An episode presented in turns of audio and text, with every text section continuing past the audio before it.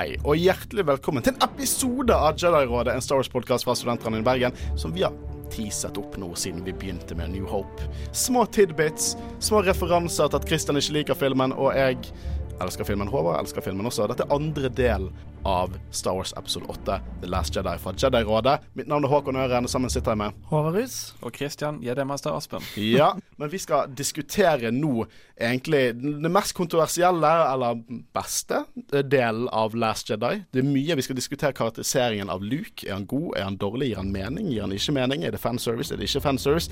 Hvem vet? For vi skal diskutere Last Jedi episode 8 fra 2017, akt 2 og 3.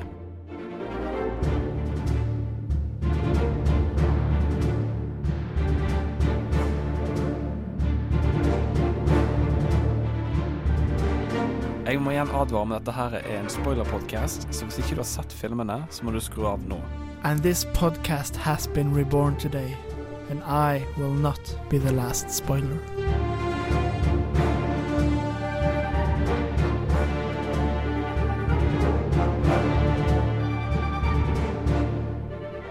Finn, Rose og BB-8 lander på Canto Bite for å finne kodeknekkeren i kasinoet der. Pga. en feilparkering blir de arrestert. Heldigvis møter de DJ i cellen. Han er kanskje ikke like flink, men han kan knekke koder, han òg. I mellomtiden fortsetter The First Order å bombardere The Resistance, som får mindre og mindre drivstoff for hvert minutt som går. På akt 2 fortsetter Ray treningen hos Luke, og blir forklart hvorfor jediene bare er jævlige. Senere på kvelden har hun nok et Force-øyeblikk med Kylo Ren, der hun lærer sannheten om hva som egentlig skjedde den kvelden han ødela Jedi-tempelet. Ray drar fra øyen for å møte Kylo, og Luke vil brenne ned jedi-treet. Da møter han en gammel venn, Yoda, som viser at man aldri er for gammel til å lære nye kunnskap. Poe er ikke fornøyd med ledelsen og utfører et mytteri for å skaffe tid til Finn og Rose, som har sneket seg om bord på Snoke sitt skip. Her blir de tatt til fange, og resistansen unnslipper ved hjelp av Holders plan i små lasteskip som sniker seg unna det store skipet. Ray har også ankommet, og sammen med Kylo drar hun for å møte Snoke.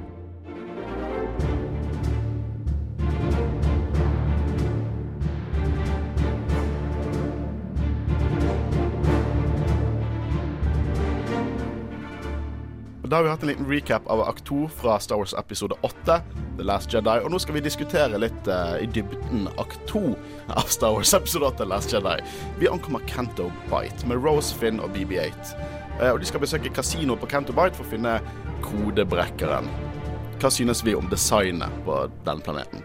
Jeg synes det er ganske morsomt, fordi måten de introduserer hele den sekvensen, er liksom det at Rose sier at å, dette er en fæl planet med de verste folkene i, i hele galaksen, og så ser du liksom for deg at det er skummelt og sånn, men så er det bare sånn rike folk som bare er på et cruiseskip på en elv. Og jeg jeg syns det er ganske morsomt. Ikke bare et cruiseskip på en elv, det er en cruiseskip som kjører utenfor en foss, og så er det en speeder eller noe sånt. Og så er det sånne aliens med sånn der evil mustache. Sånn, Hun drikker champagne. ja, det er liksom bare Det er den rake motsetningen, men samtidig akkurat det samme som Katinaen i New Hope. Bare andre sine aspekter. da. Liksom, dette er kriminelle, storkriminelle folk som tjener masse, masse penger på, og, på krig, rett og slett. Men sett bort ifra at jeg syns denne scenen her er egentlig eh, Hva ord jeg leter etter? Jævlig. uh, sett bort ifra at jeg syns denne scenen er helt meningsløs, så syns jeg faktisk designet er ganske fint. Og jeg kan se for meg at det fins ute i galaksen langt, langt vekke et kasino. Ja, ja, som jeg hadde reist til uten tvil. Uh, John Williams, en sånn kasinomusikk. Så. eh, og så er det Jeg liker veldig det godt designet på de vaktene som er der. Det er veldig 70-talls Det virker som noe som kunne blitt laget i 70-tallet, liksom sci-fi 70-tallet. De ligner veldig på old eh, trilogy-krigere, liksom, bare at de har sånne eh, LED-lys på hjelmene, og de er flashy og hvite og, svarte. og. Det er ganske kult. Og designet er veldig kult. Det er masse kule aliens og sånn. Jeg vet ikke helt om vi trenger en liten eh, gnome-alien spilt av Mark Hamill som tror BB-8 er en slåttmaskin. Wait, what? Seriøst? ja. Hører du ikke den latteren hans? Det er basically jokeren. oh, ja. Uh, jeg, jeg, vet du hva, jeg syns ikke det er helt jævlig, og jeg syns ikke nødvendigvis det er helt meningsløst. Men jeg er veldig like glad til dette her. Uh, når dette skjer, så uh, filmen, jeg skal være helt ærlig, filmen stopper ganske mye opp, syns jeg. Mm. Eh, jeg syns ikke det er veldig spennende her, for å være helt ærlig. Nei, jeg syns denne scenen her egentlig kunne byttet ut med mer tid til å, forme ut mer om Ray og Luke, og kanskje mer om mytteriet som skjer om bord på navnet på det skipet ja, som du vet om. Uh, ja, The Raddus. The Radis, thank you! Jo, vær så god. Men altså uh, Men jeg er enig med deg. Altså Skapningene de lager der Jeg får liksom sånn Du får en Star Wars-følelse av det. Ja, og så i og praktiske effektene er jo helt utrolige. Ja, ja, det skal jeg ikke si noe på. Så får jeg liksom følelse av at det minner litt om en Steven Spielberg-film òg. Ja, kanskje. Eh, eh, vi, vi får i hvert fall se nå at de på en måte De hører masse sånn Hele Alt begynner å vibrere, og glass søler over, fordi de har en sånn løpebane i nærheten. Så jeg tenker først sånn Hvorfor har de en løpebane som sånn vibrerer alt i kasinoet? Det er jo bare dårlig design av arkitektene, i så fall. Eh, de kommer ut der, og så ser de det er Fathiers, og de har sånn hesteveddeløp. Og, men det som er trist her, er at de blir mishandlet. De blir pisket, og det er ikke gøy. Eh, og Rose Glides og Fathiersene. Som, hva kan jeg kalle de? Store bunny-hester. Ja. Ja, de er søte, de. Ja. Eh, men hvor mye kulere hadde ikke dette vært hvis det var podracing? ja, men hadde jo vært mye Now this is rabbit racing. Nei, nei, men, eh, nei, nei, men hvis det hadde vært podracing, så jeg synes det hadde vært kulere. Jeg får litt sånn Harry Potter-feel av eh, fa The. Fathiers. Ja, det kunne vært kulere, men da kunne det ikke vært den banen. Jo, men, Det, det måtte vært større. Jeg vet det, men kunne ikke de bare ikke hatt det med den banen, da? Det kunne vært barn som var podracere, og så var det de liksom Eller force Sensitive som var podracere, og de ble mishandlet av denne kuen med fire armer. Vet du hva, jeg Det var en ku med fire armer. Mens, Og gjør til og med sånn Men siden du tar det opp, så har det vært litt stilig, faktisk. For det har skapt en fin refleksjon til episode én. mm, Jeg synes det. Nå begynner jo på en måte Rose å snakke litt om For Finnby sier dette er en nydelig planet. Han er jo helt oppsatt av dette og er sikkert ute og gamble og kose seg og hele pakken. Så hvorfor syns du den planeten er så dårlig? Og så sier hun ser liksom under den fine fasaden. Og da ser du liksom at uh, de Fathiersene blir pisket og sånn, og så spør hun hvorfor tror du disse folkene er så rike? Krig. Selge våpen til The First Order. Og jeg syns det konseptet er kjempekult. Og jeg, jeg synes at det er supernaivt og ignorant av hun å si at å, disse blir rike på The First Order når det viser seg at de blir rike på å selge til begge sidene av konflikten. Og jeg, jeg elsker det. Det er en ny gråsone. Dere vet hva jeg synes om gråsoner. altså, det, Altså, det går jo veldig inn på det du snakker om, hvem som er good guy, hvem som er bad guys. Mm. Selv om det ikke er like tydelig. Det, det er ganske Altså, det- svart og hvitt i de nye Jo, men det kommer ut fra den setningen som du hører fra Bensin del Toro sin karakter Mm. senere, at uh, du får litt det inntrykket. Ja, og jeg elsker at de legger det til. Vi får også snakke, eh, høre litt om hvor Rose kommer fra. Han kommer fra et minesystem som First Order så å si ransaket. Da får vi innblikk liksom i hvorfor folk har strømmet til resistansen. da Som også litt mer worldbuilding. Eh, men de skal finne han der Red Plume codebreakeren. Og eh, det er så sykt videogamey.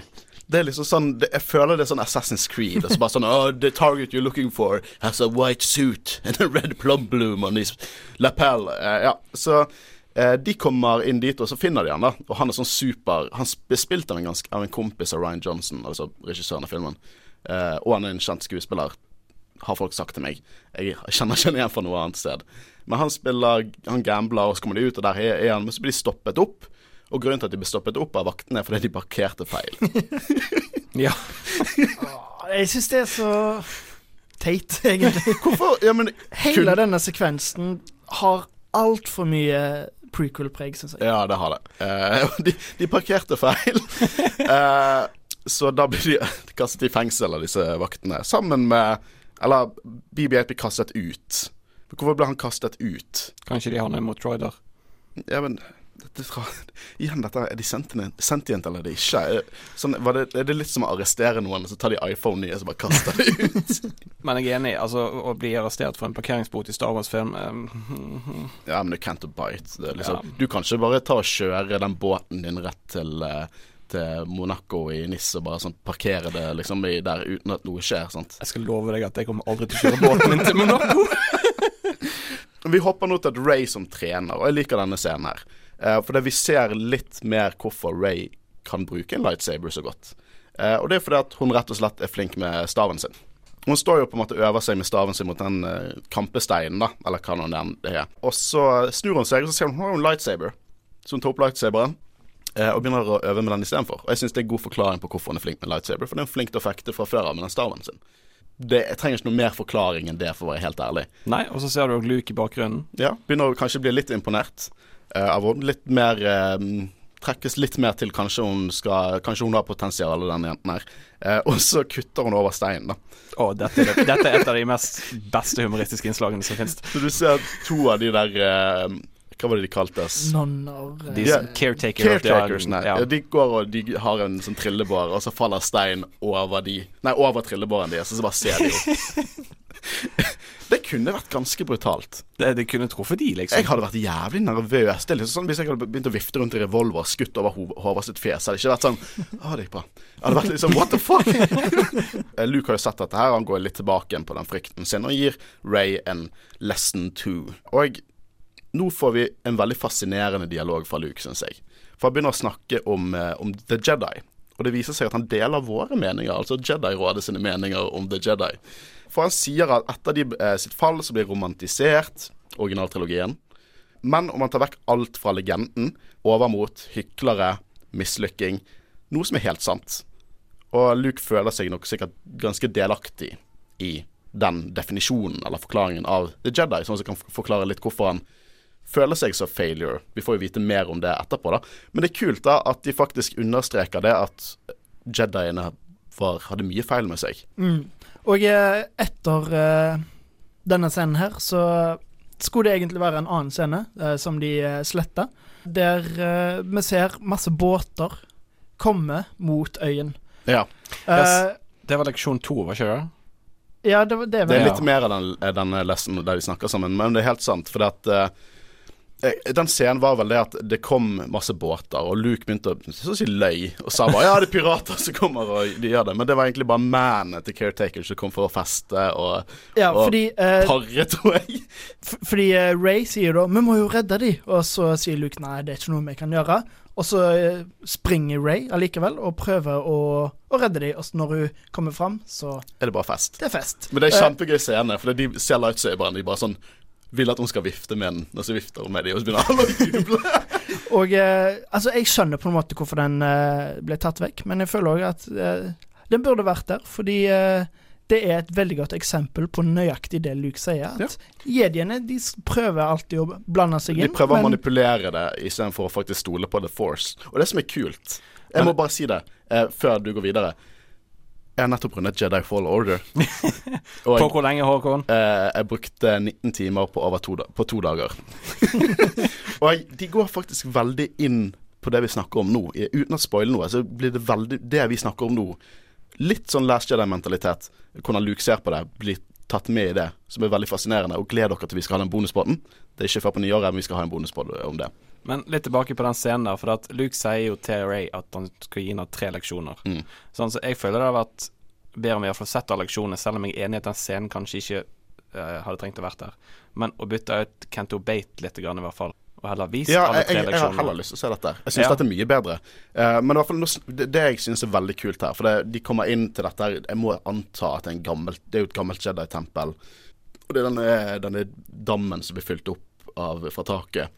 Vi hører Camino-musikk, Gjør vi? ja, som er oh, veldig ja, kult. ok, nice. Eh, og at Luke, spilt av Mark Hamill, snakker om at Jediene lot Darth Sidious ta over og skape keiserriket, gir meg frysninger. Ja, det, den likte jeg òg. Ja, eh, og eh, han snakker også om Obi-Wan sine feil. At det var en Jedi som hadde ansvaret om å trene opp det som kom til å bli, bli Darth Vader. Er, det er ikke før Ray stopper han og sier Og så var det en Jedi som reddet Darth Vader. Altså Luke. Luke forklarer jo det at han trodde han kunne trene Ben Solo, eh, noe han ikke klarte, og han føler klart skyld over hva Ben Solo har blitt til. Eh, og det er veldig dette her Vi får en første flashback, for det er tre flashbacks her. Eh, veldig Rashomon Kurosawa eh, i forhold til at du får flere flashbacks fra forskjellige personer, og de utspiller seg annerledes basert på hvilket syn som er der. Og det er noe nytt for Star Wars, og det er noe kult for Star Wars. Eh, det er mer vi kan analysere der, istedenfor at det bare blir fortalt og svart på hvitt. Og Vi får se for første forklaringen om hva som skjedde med Ben Solo og Jedi-tempelet. Og Det var det at Luke sin versjon av denne forklaringen, det første han forklarer nå, er at Luke konfronterte Ben Solo etter han hadde senset mørket i han. Ben angrep han, brente ned tempelet, tok med seg en håndfull med studenter og drepte resten og dro. Han trodde sikkert at Luke var død. Men hvem faen er disse studentene? For at Først så antok jeg at dette var Nights of Ren, de som på en måte dro med eh, Ben Solo. Men nå har vi fått vite nylig at Nights of Ren har eksistert lenge før Ben Solo ble Kylo Ren. Så Hvor kanskje lenge før? Luke og Ben Solo har slåss mot Nights of Ren OK. Ja. før. Så da betyr det at, uh, Disse- at- Kylo Ren er oppkalt etter Nights of Ren, Ja. og ikke motsatt. Ikke motsatt. Det er en organisasjon som eksisterte før Kylo Ren ble Kylo Ren. Men det er bare Er disse studentene Ble de også Nights of Ren, eller har de gjort andre ting? Det er bare Jeg skjønner ikke hvem disse studentene er. Disse som er med han. Det er jo sikkert noe vi får, kommer til å få svar på i neste film, da, så det er ikke så lett for oss å sitte og spekulere om det. Men, Altså, det kan godt være at det har vært med i Nights of Ren, for de skal vel bli introdusert i ja, neste men film. det, det problemet er at Nights of Ren Designet på de Nights of Ren som er med Nights of Ren som er med i Rise of Skywalker, er samme designet på de som på en måte har eksistert før Ben Solo ble en Ren. Så det er vanskelig å si. Det er mye spørsmål om det. Jeg gleder meg veldig til å få litt svar på sånt. Men Luke sier jo det at Leia skyldte jo på Snoke, men Luke følte seg ansvarlig. Han sier det at han feilet fordi at han var Luke Skywalker. En legende. Han stolte på Skywalker-blodet, og jeg feilet, rett og slett. Jeg har en egen sekvens der vi skal snakke litt om karakteriseringen av Luke. Ja, jeg jo Ba, ikke sant bare vent. Eh, Men Ray sier jo at det var Ben som feilet, og ikke omvendt. At hun ikke skal feile. Det kommer til å bli mye mer snedige greier med disse to. Men jeg er helt enig, jeg vil heller se en hel film om de tre og snakke enn Canterbite. Uh, nå får, får vi se en liten sånn uh, shortcut til uh, den der jakten da mellom Supremacy og uh, The Raddus. Eh, og medical-fregaten deres, eller medisinske fregaten deres, er tom for drivstoff og skjold. Nice translation. Jo, takk, takk, takk. Eh, så hvorfor i helvete kunne ikke kapteinen blitt med på The Raddus? Eller er det sånn må, må kapteinen gå ned med skipet sitt? Er det det som er dealen der? Skulle jo trodd de har autopilot, liksom. Jeg vet ikke om det er det, men jeg kommer tilbake på det autopilot. Det er Altså Hvis jeg er autopilot på båten min, så faen meg de autopilot på spaceshipet sitt. men det blir i hvert fall formidlet at de har tre timer med drivstoff igjen. Og vet du hvor vi skal nå, gutter? Snakke om drivstoff. Nei, det har vi gjort i forrige episode. Tilbake til Canterbite. Yes! Vi skal tilbake igjen på Canto Bite. Så nå er Finn Rose stuck i fengsel sammen med en ny karakter. Eh, en fyr som heter DJ, spilt av Benicio del Toro. Jeg husker Før filmen kom ut, så var det spekulasjon om dette var Bobafett. Var det sønnen til Bobafett? var det Ezra fra Rebels? Men hvem kunne tro hva oddsen var for at han er en kodebrekker? Gaff. Han er en kodebrekker. Og eh, han er veldig spesiell, fordi han stammer. Jeg liker, jeg, jeg liker veldig godt eh, DJ. Det er sånn senere i filmen, når han faktisk begynner med det kodebrekkingen, sier han blipp blabdi bloop.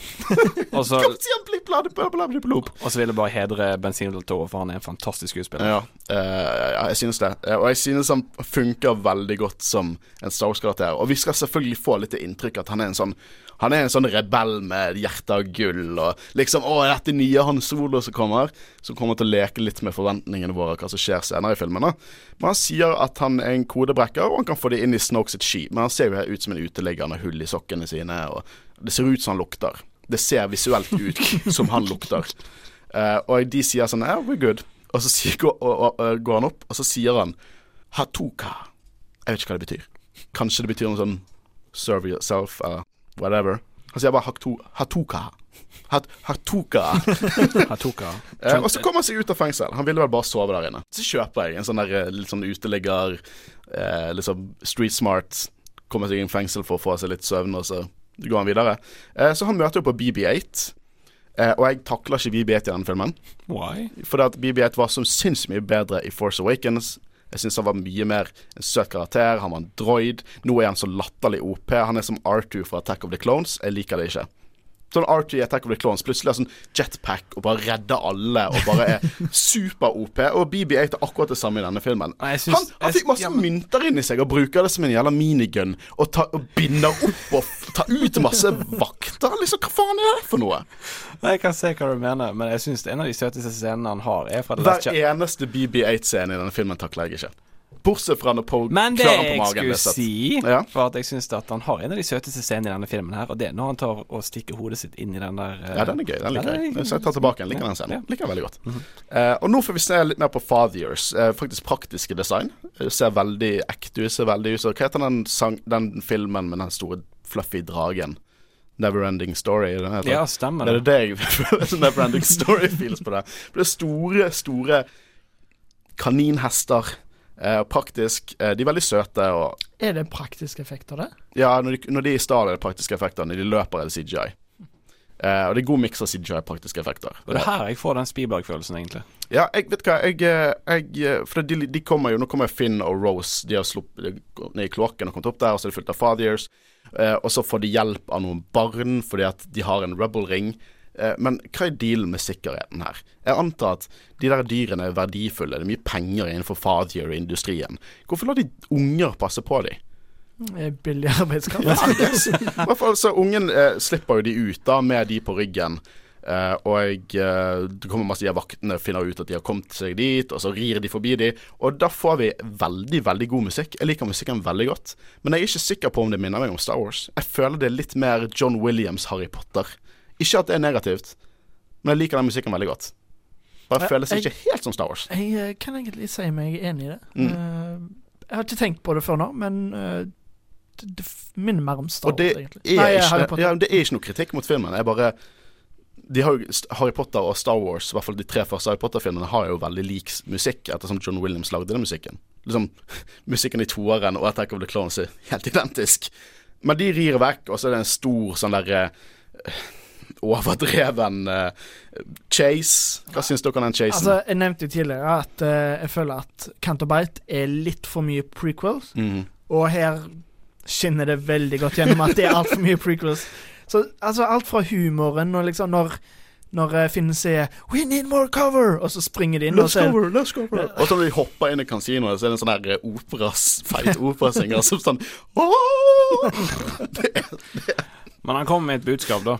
Ja, han gjør det. Dyremishandling og Ja, det òg, men det kommer et budskap i forhold til karakterutvikling som jeg kommer til senere. Jeg syns ikke det er kjempebra, men ja. Eh, så de ender med at de rir opp, og så, er det, så var det sånn Å, det, var- å, jeg håper ikke det var for noe.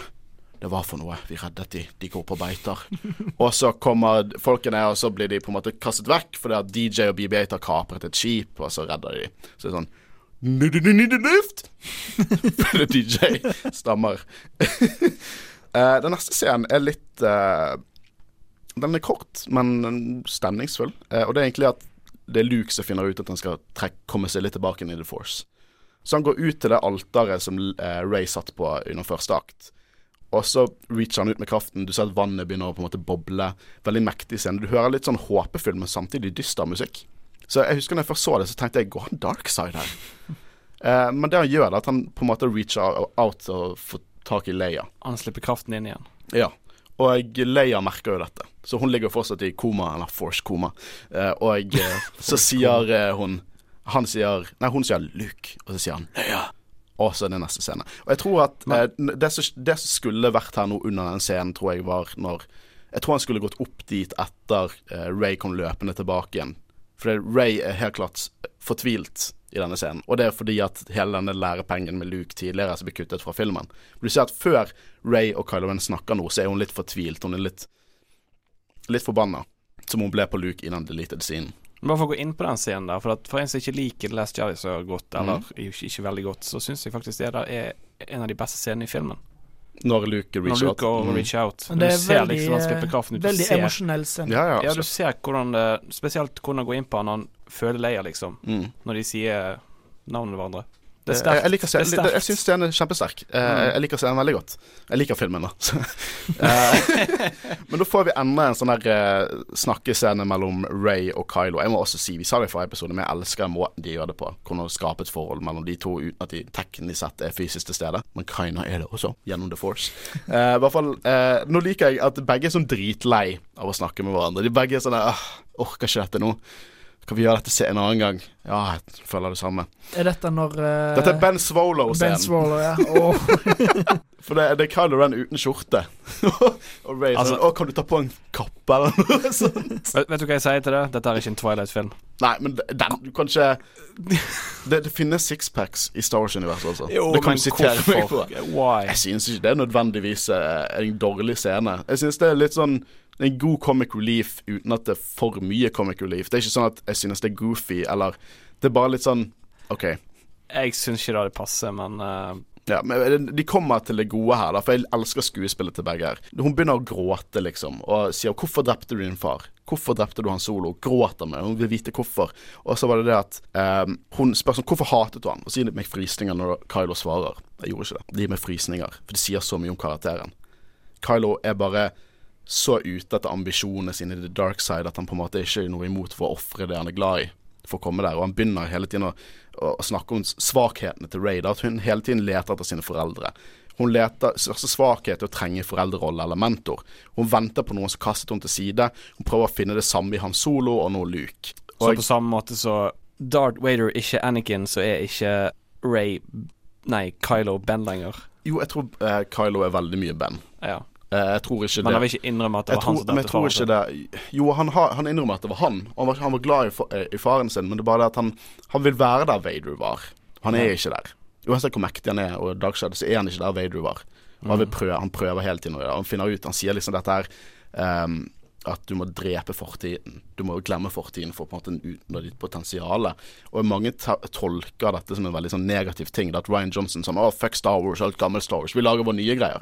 Men det er ikke det jeg føler han sier, regissøren eller filmen sier. For at skurken, ja, Kylo Ren er skurken, sier at drep fortiden. Glem fortiden. Mens det er jo ikke det nei, protagonisten vår nødvendigvis sier, eller nødvendigvis lærer i løpet av filmen. Så jeg føler at Jeg føler ikke det det tem temaet til eh, Last Jedi er ikke nødvendigvis at du skal glemme fortiden. Og du skal ikke glemme hva Star Wars er. Mer om det senere. Jeg har eh, veldig mye jeg, jeg liker å tro det er mye innsiktsfulle kommentarer på det senere. Ja, vi kan gå videre. Jeg har lagt opp en hel sekvens der vi skal få, vi skal få kranglet mye i denne episoden, Christian. Bare ta det helt med ro. Jeg føler vi har hatt en fin diskusjon. Ja, føler foreløpig har vært uh, veldig bra, syns jeg. Ja, jeg skulle nesten tro du likte filmen. Men nå skal vi få se en ny er- versjon av flashbacket, eller skal jeg kalle det forcebacket.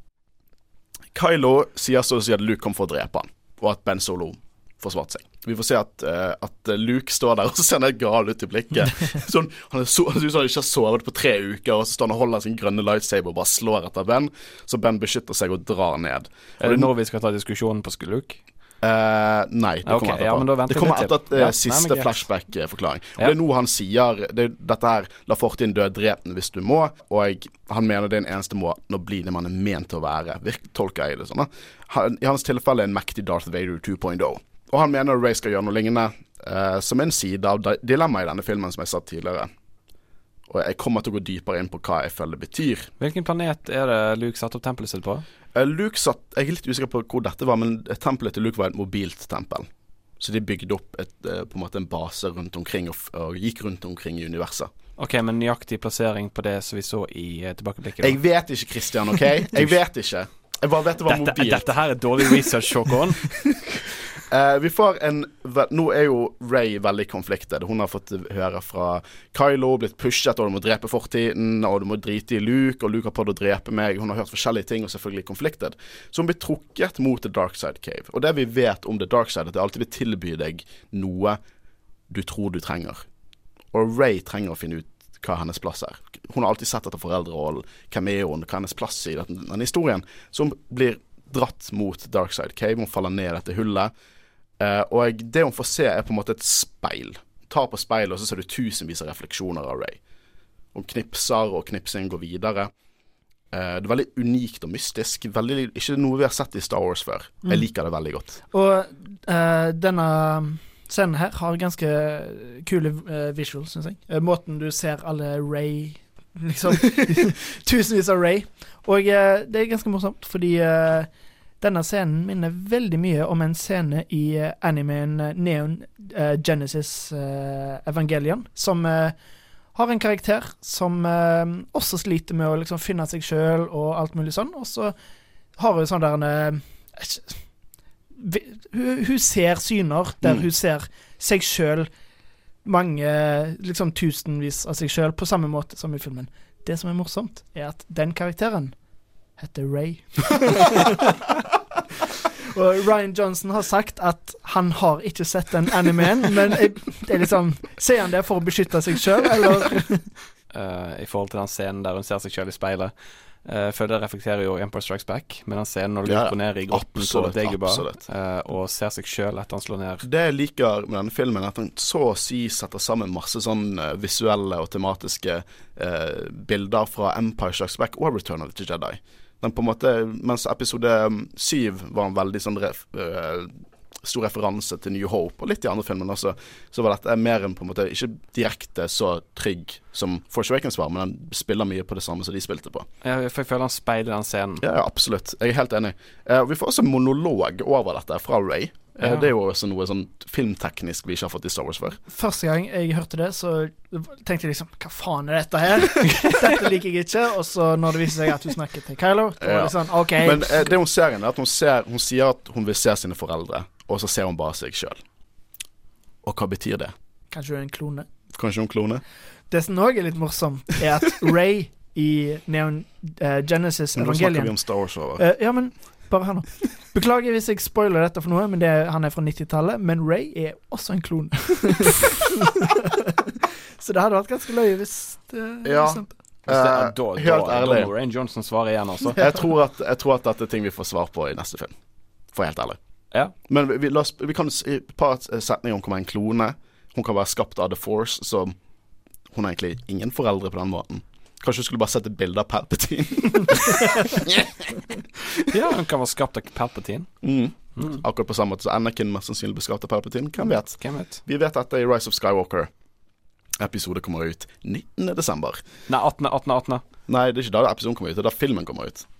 Vi er ikke så effektive at vi klarer å spille inn og redigere på én dag. Oh, ja, nei, nei ja, eh, sorry, det var det jeg mente. At filmen kom ut 18., men eh, vi kom ut 19. Ja, og det er jo en enda større dag. He? Det er enda større dag. Og det viser seg at denne monologen er jo egentlig fra en samtale Ray har med Kylo. Uh, og jeg, regissøren sa at dette er det nærmeste vi kommer til å se en sexscene på en Star Wars-film. Ikke nødvendigvis sånn fysiske akten, men sensuelle.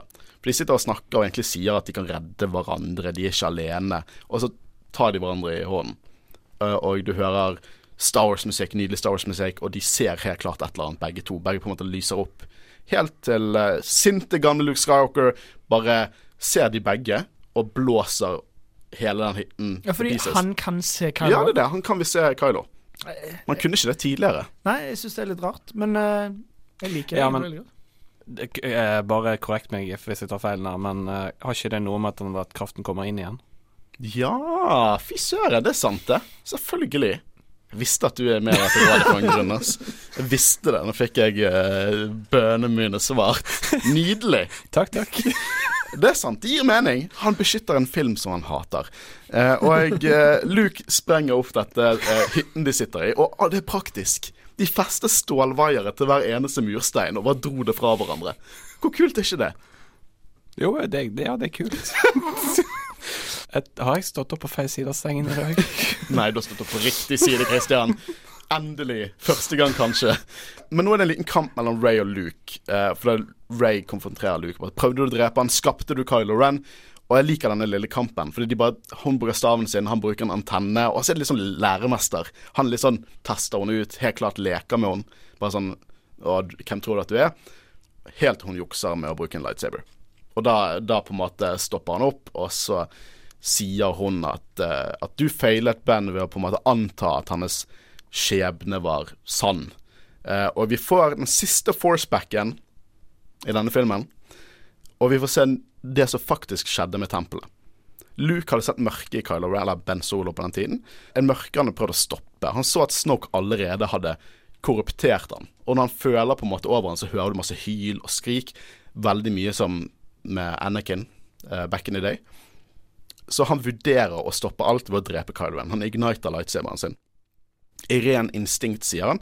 Men han gjorde ikke det. Han, han sier tanken ga han skam. Tanken på å drepe Ben Solo for å redde alle han var glad i. Det var, hans, det var det han ville gjøre. Ben Solo så jo bare Luke med en lightsaber og tok sin konklusjon. Uh, og Ray sier jo at Luke feilet Ben Solo ved å anta at valget var tatt. At han, skjebnen hans han, hans var satt. Hun sier at Ben Solo vil skifte side, som er sant fra en viss synspunkt. Og hun så å si reiser fra Aktom med lightsaberen for Luke nekter å komme tilbake igjen. Og det her er jeg lyst til å snakke om Luke eh, i denne filmen. For Luke er en omdiskutert emne. Eh, Mange liker ikke hvordan Luke er i denne filmen, annet Mark Hamill. Hva er ditt syn på det, Christian? Nei, Han har jo gjentatte ganger i intervjuer sagt at dette er ikke den karakteren jeg Men jeg kan garantere at alle i dette rommet vet mer om Cannon enn det Mark Hamill gjør. Han er Nei, skuespiller. Men, Det vil jeg òg tro. men hva, syn, hva er ditt synspunkt på Luke i denne filmen? Han er ikke den karakteren jeg kjenner, okay. egentlig. Okay. For at fra episode fire Han var den der eh, whiny eh, farmegutten, men mm. han bygget seg opp gjennom tre filmer til å bli en Jedi Master, Okay. til å bli en optimistisk legende Mm. som jeg ikke kjenner igjen i det hele tatt i denne filmen. Synes du at det ikke gir mening i forhold til karakteren eller universet at han er sånn? Det går jo egentlig mest Altså Hovedsakelig går det jo mest på at det er ikke sånn jeg kjenner karakteren. Mm. Det er ikke sånn jeg ville gjort det med karakteren. Det er ikke sånn jeg ville laget manuset. Men okay. selv om det gir mening i forhold til plottet enkelte plasser, så det er ikke den Luke jeg kjenner. Jeg, jeg kan skjønne. jeg kan skjønne Det er ikke den Luke jeg er vokst opp med. hvis, du, hvis du gir meg en sjanse til å på en måte gi mitt synspunkt på det uh, det, Jediene gir ikke opp, liksom. Nei, men la oss, la oss Det vi har fått vite nå Dette nye argumentet kommer på nå, her og nå. Oi, Eh, vi fikk høre hvordan Luke forklarte til Jedi at de ble i ettertid romantisert når de var vekke, originaltrilogien. Men hvis du ser på hva de faktisk gjorde, prequel-trilogien, så var det egentlig bare feil. De så å si skapte indirekte et empire og en skurk til å ta over for dem. Fordi at de var så arrogant og falt på en måte i touch med The Force og hele pakken.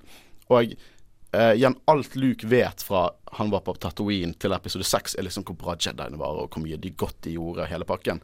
Og så er det liksom The Jedi Must End-kommentaren til Luke som begynner å vise at han er et helt annet Eller at han kaster vekk lightsaberen og sier at han ikke vil hjelpe. Begynner jo å se hvordan Luke er i denne filmen. Da. Men Jedi og prequel-trilogien De trodde de kunne kontrollere noe så kraftig og farlig som Anakin, så de så masse røde flagg i. Som sagt, i episode 1 så senset de at gutten var farlig, og hadde mange følelser som en Jedi egentlig skal undertrykke. De feilet totalt, og egentlig med handlingene sine skapte Darth Vader. Av arroganse. Obi-Wan er til stor skyld for at Anakin gikk dark side, syns jeg. Og hvis det ikke var for Jediene, så hadde ikke Palpatine klart å tatt klørne sine inn og manipulert han sånn som han gjorde. Luke fulgte jo Jedi sine fotspor, og på en kanskje enda mer arrogant måte. Trodde han kunne klare det de ikke klarte. Trene Ben Solo. Husk, Ben Solo viste mye mer røde flagg enn Anakin gjorde. Anakin var liksom en redd liten gutt. Ben Solo, liksom Han var en dark emo-kid da når han var liten. Og jeg Luke har på en måte opplevd Vader på sin verste, og i et øyeblikk når han senset mørket i Ben, så har han et svakt øyeblikk der han vurderer å stoppe en potensiell ny Vader. Det er noe som Jedi ikke klarte. Et øyeblikk som, med en svakhet som han til og med ikke utførte. Han klarte å stoppe det. Han tok ikke sånn Husk meg, ok, Før jeg går på Mace Windu, for han har også en del av argumentet mitt. For Luke sine øyne er dette som Obi-Wan hadde senset sekundet Anakin knelte til Palpatine og fikk en sjanse til å stoppe det. Det er det jeg føler Luke tenker nå. Luke sier selv at Snoke allerede hadde snudd Ben til den mørke siden. Og på mange måter klarer Luke det få andre Jedi klarte. Han så at det han gjorde var feil i forhold til familien sin, i forhold til den lyse siden. Og hvis vi trekker inn Mace Windu Gode, gamle fucked up Mace Windu som bare ville drepe det han fryktet, selv om det gikk imot koden. Han ville drepe noe som var tilsynelatende eh, skadet, svakt og ikke hadde våpen, med Palpatine. Det viser seg at han ikke var det, men det gjelder synet til Mace Windu i det øyeblikket. Det var da Anakin faktisk ble Darth Vader, nesten på sekundet der, når Mace Windu bare brøt koden. Så skal vi klandre karakteren som er Luke ved å vurdere å stoppe en trussel før den kommer i effekt? Hele den kritikken om at Luke ikke er Luke i denne filmen, høres bare tøysete ut, egentlig for min del. Ikke noe respekt for det, jeg er bare uenig. Uh, jeg vil ikke at Luke skal være 100 på moralsk som, på en måte som går vekk fra law og bare fanservice mot det vi, vi tror i hodet vårt er Luke. Han er tross alt trent opp av Obi-Wan, en Jedi som var fullt og helt knyttet til læren som Jedi-ordenen hadde lært han. Han fikk jo også litt hjelp av Quaigon og Yoda i ettertid, men vi ser jo at Obi-Wan i originaltrilogien har null håp på Vader. Han pusher han og sier, begynner å whine til og med når Luke ikke har lyst til å drepe Darth Vader. Eh, det Luke har gjort nå, er i fotsporene til Jedi-ordren. Det han har igjen nå, er så sin repetisjon av Keiserriket og repetisjon av The Seth i form av First Order Snoke. Han har tolket det Yoda har formidlet i Empire Strikes Back. Help them you could, but you will destroy everything they fight and suffer for. Noe som er mest sannsynlig feiltolket. Men har fulgt ordene, og hvis vi vet én ting fra dekket originaltrilogien i denne podkasten, er at Luke sjelden følger fotsporene til Yoda, og det fører til mye uhell.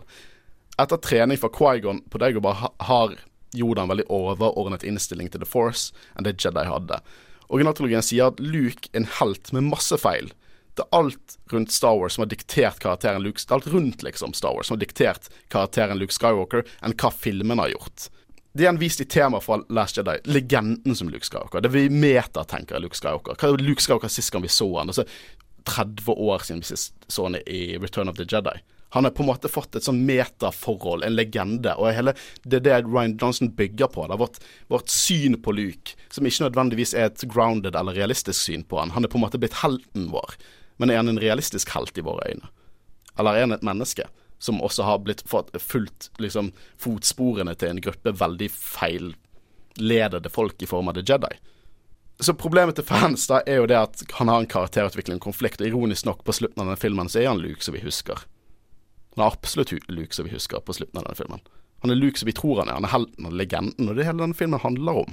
At han skal leve opp til det så fansene ser på han som. Veldig meta. Og det er derfor jeg synes dette er en forfriskende versjon av Luke. Fordi at den bygger på alt det som er feil med Luke i originaltrilogien, og leker med våre tanker om det på en metagrunn. Det var talen min, Håvard. Eh, nå nå må du ta, gjøre en sånn mic drop. Veldig bra innslag, Håkon. Syns du jeg, jeg, jeg forventer ikke at jeg skal endre synet ditt. Men for min del så setter jeg pris på den tematikken og den formen Luke, og det er nesten som det treffer meg i hjertet å se, eh, se karakteren utvikle seg sånn som den gjør i Last Jedi. Og Det er derfor jeg også synes at Luke i Last Jedi er den beste, beste mest fascinerende versjonen av Luke, kan du si. Eh, jeg, jeg er ikke sur fordi Luke ikke oppfører seg som optimistiske Jesus. Det er konklusjonen min. Ja, altså, nå har jo du gått veldig, veldig mye inn på sånn law og alt mulig sånn, men også fra et filmstandpunkt, med, med tanke på at det er 30 år som har gått siden handlingene i originaltrilogien, så, så hvis han bare hadde vært Luke fra originaltrilogien, så ville det nesten blitt en karikatur. Ja, det, det, det har vært fanservice på en veldig negativ måte, tror jeg. Og vi har jo sett det i uh, Force Awakens at Han Solo han har vokst opp, på en måte. Han har opplevd ting. Han, han, han har endra seg, og Mm. Det har også Luke. Han har opplevd masse. Det er en mye mer personlig Luke, på en måte, og um, Så eh, Og det han har opplevd, er så å si en repetisjon av historien, så han må jo føle at et eller annet han har gjort, er galt. Mm. Så det er liksom sånn at fanboyen i meg skulle virkelig ønske at jeg hadde sett en annen Luke. Det er jeg helt enig i. Men jeg er allikevel så ufattelig glad for at de gjorde det på den måten, fordi da er det på en måte en mer realistisk Det er Ja, eh, det er bare sånn jeg ser for meg nå. Jeg klarer ikke å se for meg noe annet, egentlig. Mm. Har du noe innspill, Christian? Ja, we got nothing. uh, da hopper vi ned til Jeg føler vi ble sånn uh, følelsesladd nå. Ja, nei, bra innslag, det skal du ha. Um, Bra, bra analyse. bra analyse. Har, har det gitt deg noe mer til karakteren? Ja, det har det. Det har Bør det. du eh, se filmen på ny nå, kanskje? jeg tror vi har ødelagt Christian. Tror jeg må gå hjem og se Last Jedi igjen og fokusere på karakteren Luke, og se ut ifra det hva jeg tenker nå, for nå, nå ble jeg litt sånn Hva de sier, Star Wars conflicted. Ja. Um, men dog igjen, selv om jeg ser mange av synspunktene dine og kan si meg enig i mye, så er jeg òg litt på det der med Dere snakker om fanservice, Håvard sa, at å se den Luke som vi kjenner, holdt jeg på å si, i forhold til fra uh, Return of the Jedi. Men uh, igjen, det dere sier, at det er gått 30 år og ting kan skje. Det, jeg kan ikke, jeg kan ikke be om noe bedre. Dette er en fyr som intenst hatet Last Jedi, og nå vil han villig gå hjem og se den en gang til, med muligens et mer åpent syn. Så jeg kan ikke be om noe bedre, jeg. Og vi er bare halvveis inn i denne episoden. Men neste scene er kanskje en av mine favorittscener for hele sagaen. Uh, Luke nå har på, tar på seg robes igjen. Samme robesene som han hadde i begynnelsen av filmen og slutten av forrige. Og han hadde på seg det fordi han skulle brenne ned Jedi-treet. Eh, siste handling som en Jedi, og han følte han måtte ta på seg liksom det religiøse antrekket som er Jedi robes. Eh, men så dukker opp en liten venn, da. En liten grønn venn. Yoda.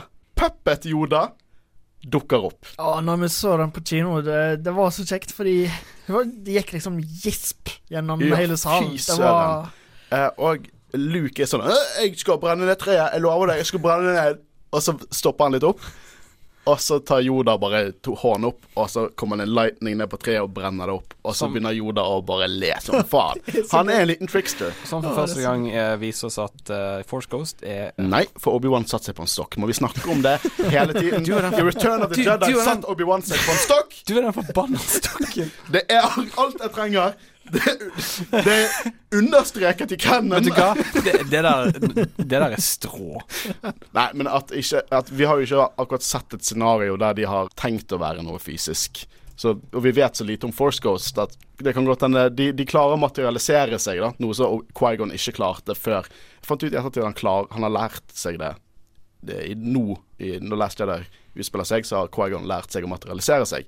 Men det er det de kaller det, materialisere seg. Oh, så det betyr at vi kan få Quaigon i Rest? Vi får sikkert denne Goblet of Fire-scenen. Alle tar på skulderen til Ray og sier 'We're with you, Ray'.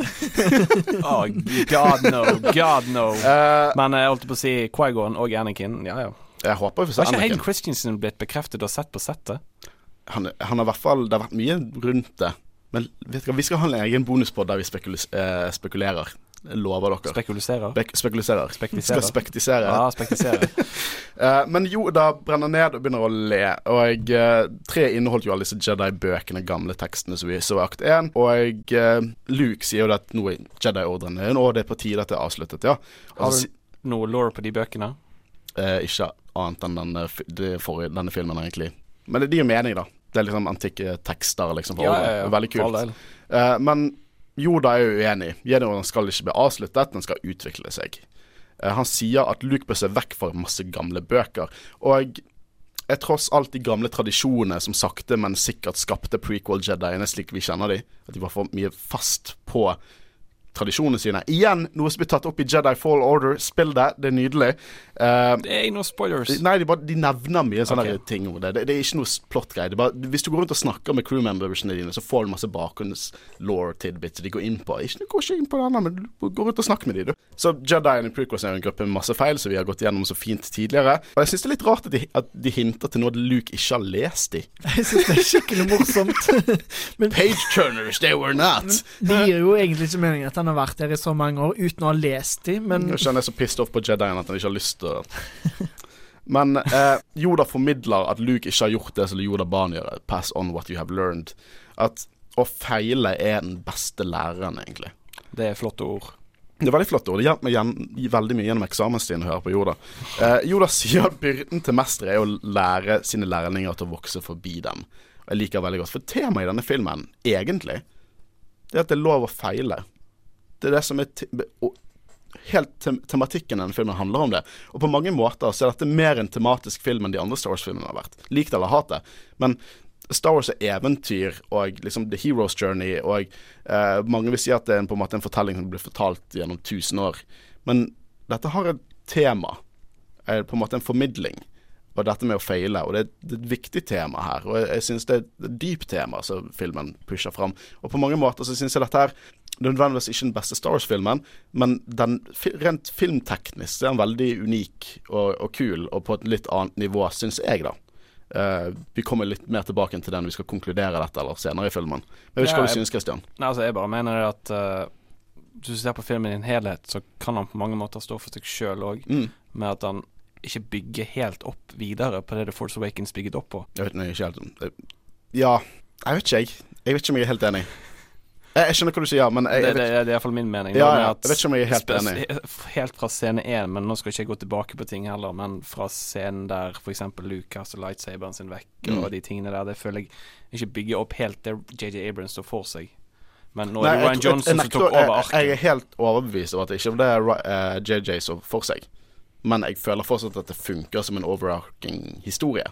Men det jeg skal hylle Les Jedi for, er det én ting, så er det originalitet. Mm, det er sant. Det er kanskje en av de mest originale Source-filmene vi har sett siden originaltrilogien. Ja. Passende nok. Men eh, vi hopper til Rose, Finn og DJ. De kom seg vekk fra Canto Bite. Dere er happy? Oh, endelig! Fy faen, endelig! Og DJ han vil ha depositum, han. Så han tar Hazian smelt-smykket til Rose, som betyr masse for henne pga. sin døde søster, som også hadde liksom andre halvdel av det smykket. DJ sin karakter kommer veldig fram her, for han begynner å snakke om sånn the good guys og bad guys, made up words. Han sier det er bare fantasi. Og at personen som eide dette skipet, solgte våpen til The First Order og resistansen. Eh, og han sier at når man er fri Han er fri når man ikke liksom tar en side. Eh, og DJ står jo egentlig for Don't Join. Jeg trodde det var sånn musikk-DJ. Disk, di, diskjockey. Ja. Sånn diskjockey. Eh, nei, det står jo for Don't Join. Til og med på hatten hans står det på, i Orabash Don't Join. Og jeg liker dette, Han er så å si mer plottkarakter for Finn. Det er det som er hele konseptet. Jeg nekter å tro at vi kommer til å få se noe mer fra DJ i neste film. Jeg tror ikke vi kommer til å få mye mer annet, og det er helt OK. Men Jeg tror han var en én-filmscenario. ja, og jeg tror at det bygger veldig Jeg, tror han er en plottkarakter for Finn. For hans karakterutvikling. Og Imens så har jo resistansen mistet alle støtteskipene sine, bare The Raddis igjen, og Poe konfronterer Holdo. Eh, Det virker som om hun nesten klarer å overtale han. Sier at sånn der, eh, Siterer Leia i forhold til håp. Eh, helt til han ser at hun eh, liksom eh, fyller opp transportskipene med drivstoff, Christian. Eh, fordi de skal flykte fra The Raddus. Og Jeg, tro, jeg trodde vi hadde lagt denne drivstoffdiskusjonen bak oss. ja, men husker ikke det også skip som flyr? Jeg må, det skipet bare flyr. Eh, men Poe klikker helt vinkel, begynner å sparke og kalle hun en traitor og hele pakken. Akkurat her, altså i forrige episode, så argumenterte vi jo for at uh, det Holder gjorde, var Hadde bra grunnlag i liksom det at det ga mening. Her burde hun si hva planen var, når Men- hun allikevel gjør det. Det er sant. Ja, men altså Det er sant, Jeg men jeg bare sier at uh, Jeg tror at hun kanskje hadde sagt det hvis hun visste hva fuck-uppery Poe hadde gjort med den andre gruppen som nå holder på å fucke over alt. Uh, jeg tror at uh, det, Nå er det sånn at jeg, jeg er helt enig med deg senere i filmen, når hun får vite ting. Men nå er det sånn, det er ikke noe vits i å fortelle han noe, i hvert fall ikke når han oppfører seg sånn som det er der, for hun har en plan, og han kan ikke ødelegge den planen. Men hun vet jo ikke at pga. at hun ikke har sagt det til han, så har han sendt en sånn fucked up mission til Kento Bite som kommer til å ødelegge mye mer. Men uh, jeg vet vi var innom dette her i forrige episode, der vi kom Eller du sa at han er en loose cannon. Kan, Mm. kan ikke si plan til han, for da går det helt vilt uansett. Men altså, jeg føler på òg, i tillegg til å være en loose cannon, er rasjonell nok til å forstå og se en god plan. Og det ser han jo når Leia forteller hva Mm. planen er. Så for min del så gir det fortsatt ikke mening at han Jeg- ikke har sagt jeg- planen til han. hun burde, eh, sånn, Hvis jeg hadde vært i universet, så hadde jeg vært kjempeirritert over at hun ikke bare fortalte det nå. Men nå, eh, foreløpig så er det ingenting gale i hennes øyne som Poe kan gjøre. Så jeg skjønner at det er ikke sånn at hun lar seg bli bøllet til å fortelle en plan til den personen. Men senere kommer det en scene som på en måte viser at egentlig begge de har på en måte fucket opp. Jeg synes, jeg er helt enig, hun burde sagt det som karakter. På samme måte som jeg hater Joffrey i eh, Game of Thrones, men jeg elsker Joffrey som en seer så er det på en måte samme jeg tenker her. Ikke at jeg elsker Holdo, hun er bare en plottkarakter, hun òg. Men jeg, jeg kjøper at hun ikke forteller det til han nå. Men jeg liker det ikke i forhold til at jeg dyper meg inn i universet, hvis dere skjønner hva jeg mener. Jeg syns ikke nødvendigvis det er dårlig skrevet opp til nå. Altså, jeg mener jo, som jeg sa i sted, at det burde blitt talt helt på starten. Men når det kommer til et mytteri, så føler jeg OK, nå er tiden inne. Dette her går for langt. Men hun vet jo ikke Hun burde sagt det nå eh, eh, etterpå. For det er da jeg kommer til jeg er enig med at hun burde sagt det. Men se, OK, la oss eh, vente til vi kommer til den scenen, da. Poe snakker nå med Finn og resten og sier at fortsett med oppdraget. De driver og fjuler på transportskipene. Eh, og sånn, hvor vil dette føre? Og vi får se i bakgrunnen at eh, DJ han følger med. Får med seg dette her. Dette er bra. Og vi hopper over til Ray. Hun er jo på The Falcon, og vi ser at hun har tatt med seg bøkene. Uh, I en bitte liten scene så lukker hun en skuff, og der er bøkene. Seriøst? Ja, ja. Den har ikke jeg sett. Kødder du? Jeg trodde ikke du så at hun faktisk tok de. Ja, ja, hun har bøkene der, og uh, så Men eh, Yoda har jo sagt til Luke at det er ingenting i de bøkene som Ray ikke har. Bokstavelig talt er sant, hun har bøkene, og Yoda er sikkert klar over dette. Men hun skal escape-podde inn på The Supremacy, og det gjør hun.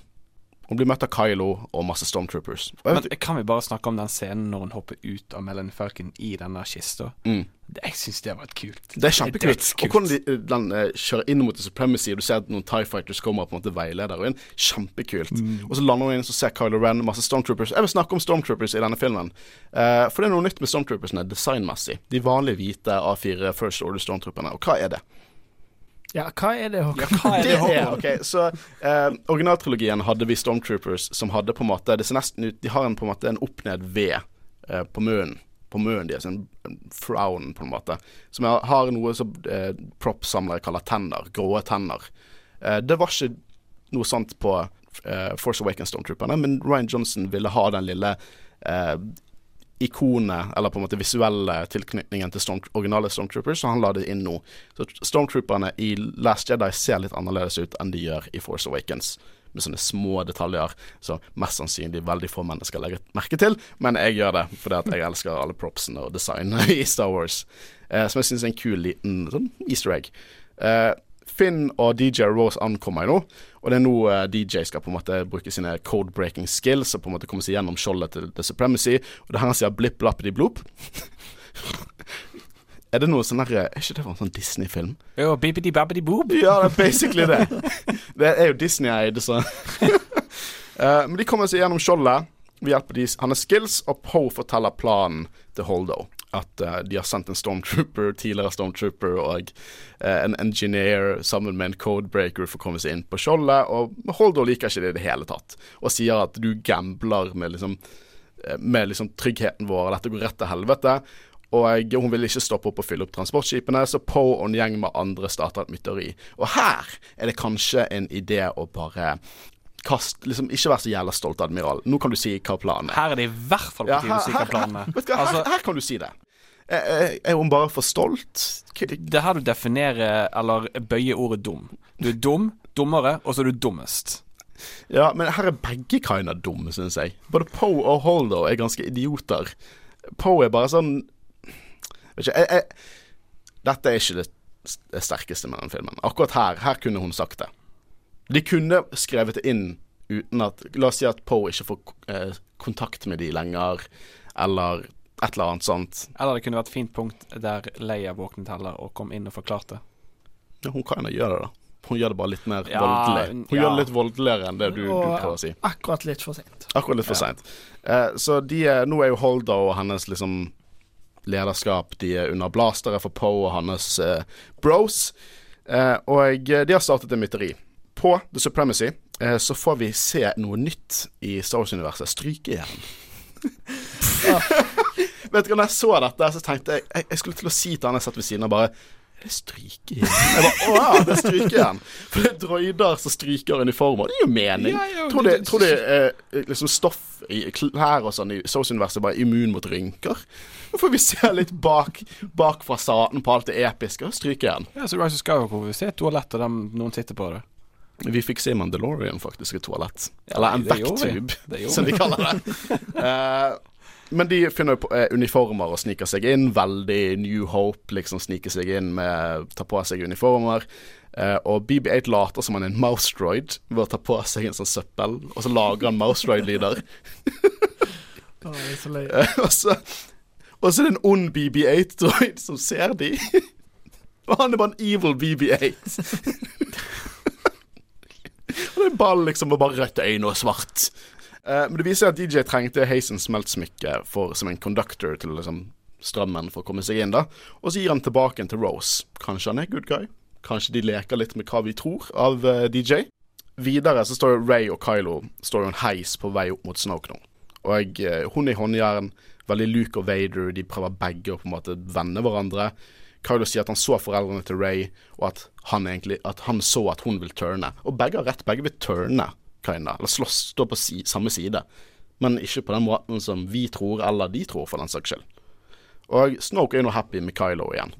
Nå er de The Faith er restored. Han var så flink til å hente hun der nede og ta han med opp der. Så han er, han er happy igjen. Good boy. Ja, ja, ja. Poe og eh, resten av gjengen de tar, har jo tatt over The Raddis nå, og liker hvordan han snakker med C3PO. Bare sånn uh, 'Admiral Holder vil snakke med deg.' 'Ja, ja, vi snakket.' og så Jeg syns Oscar Isaac er kjempegod som Poe. Uh, og jeg, Trippio han sier at det er imot hans programmering å være med på et mytteri, men den løgne drittsekken der var med i et veldig langt mytteri mot noe vi kalte The Empire. Basically. Det var liksom den uh, over uh, Det var de som styrte galaksen, og C3PO han var en del av disse terroristene. Og eh, vi vet at Stormtroopers var livredde han, for han var sikkert en prime and font av propagandaen. Så den løgneren fortsetter å være en løgner. Eh, og vi får egentlig vite at Finn og Co. de, eh, de, de feiler. De, eh, det fører til at de blir fanget. Vi ser Fesma. Fesma er med i den filmen, jeg glemte hun. Hva faen er hun òg med? Ja, ja. Seriøst? Chrome Dome er med, eh, og de, de feiler. De blir tatt rett før de kommer seg inn på når de kommer seg inn for The Sailor Trackeren. Holdo tar kontroll igjen, og så prøver de å komme seg inn på broen til Raddus og så er det Leia som kommer. Men når du har en karakter som blir litt hypet opp Jeg syns Force Awakens Phasma, kostyme, alt dødskult. Men hun er så lite brukt i denne Vet du Jeg har et konsept til oss senere, for hun er jo litt mer etterpå, men et konsept der vi skal skrive om den scenen. Det skal være kjempegøy. Vi skal kose oss. Okay, Men i hvert fall Leia hun tar ned Poman Stunblaster. Jeg elsker de der rundingene som kommer ut. Vi ser ikke de nok i Star Wars. De der når han skyter, så kommer det masse rundinger. Vi så det i New Hope, når de skjøt ned Leia i begynnelsen. Uh, og eh, transportskipene blir jo sendt ut. Holdo blir igjen for å styre The Reddus, for å liksom lure The First Order videre. Og Leia og Holdo sier farvel. Og jeg vet folk misliker Holdo. Noen gjør det i hvert fall. Men jeg synes at dette er en fin avskjed mellom to, to venner.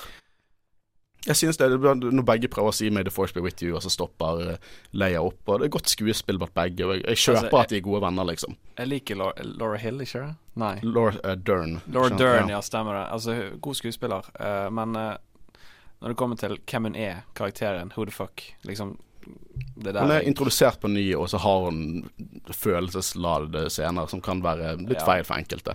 Men det var akt to.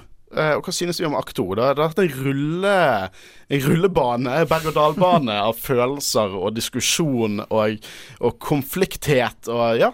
Dere klare for neste akt? Om jeg Åh, du skulle bare visst. Så nå skal vi ta en liten pause der Christian recapper akt tre for oss, og så begynner vi å diskutere akt tre av The Last Jedi.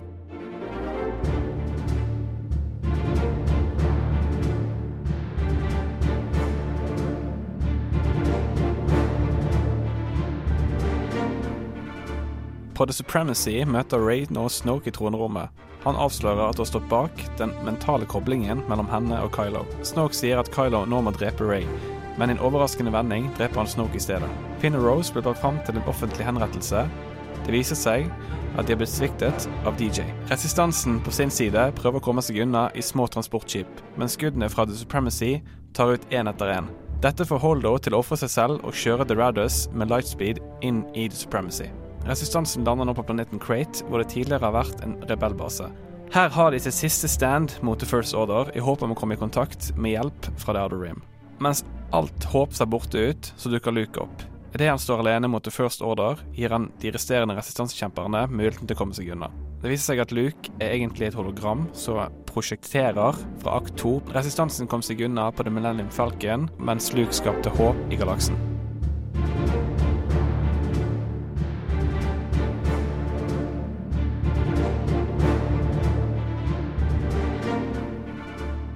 Da har vi recappet akt 3 av Star Wars episode 8, The Last Jedi, og nå skal vi diskutere akt 3. Vi skal hoppe inn i akt 3. Vi skal diskutere alt vi hater, alt vi elsker, og alt vi er like glad til.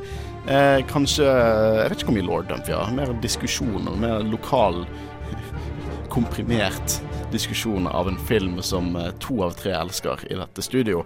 Eh, OK, nå får vi Snoke og Ray i hans tronrom. Røde gardiner, røde vakter, Snoke, Andy Circus, som spiller Snoke så nydelig bra, Med slåbroken på.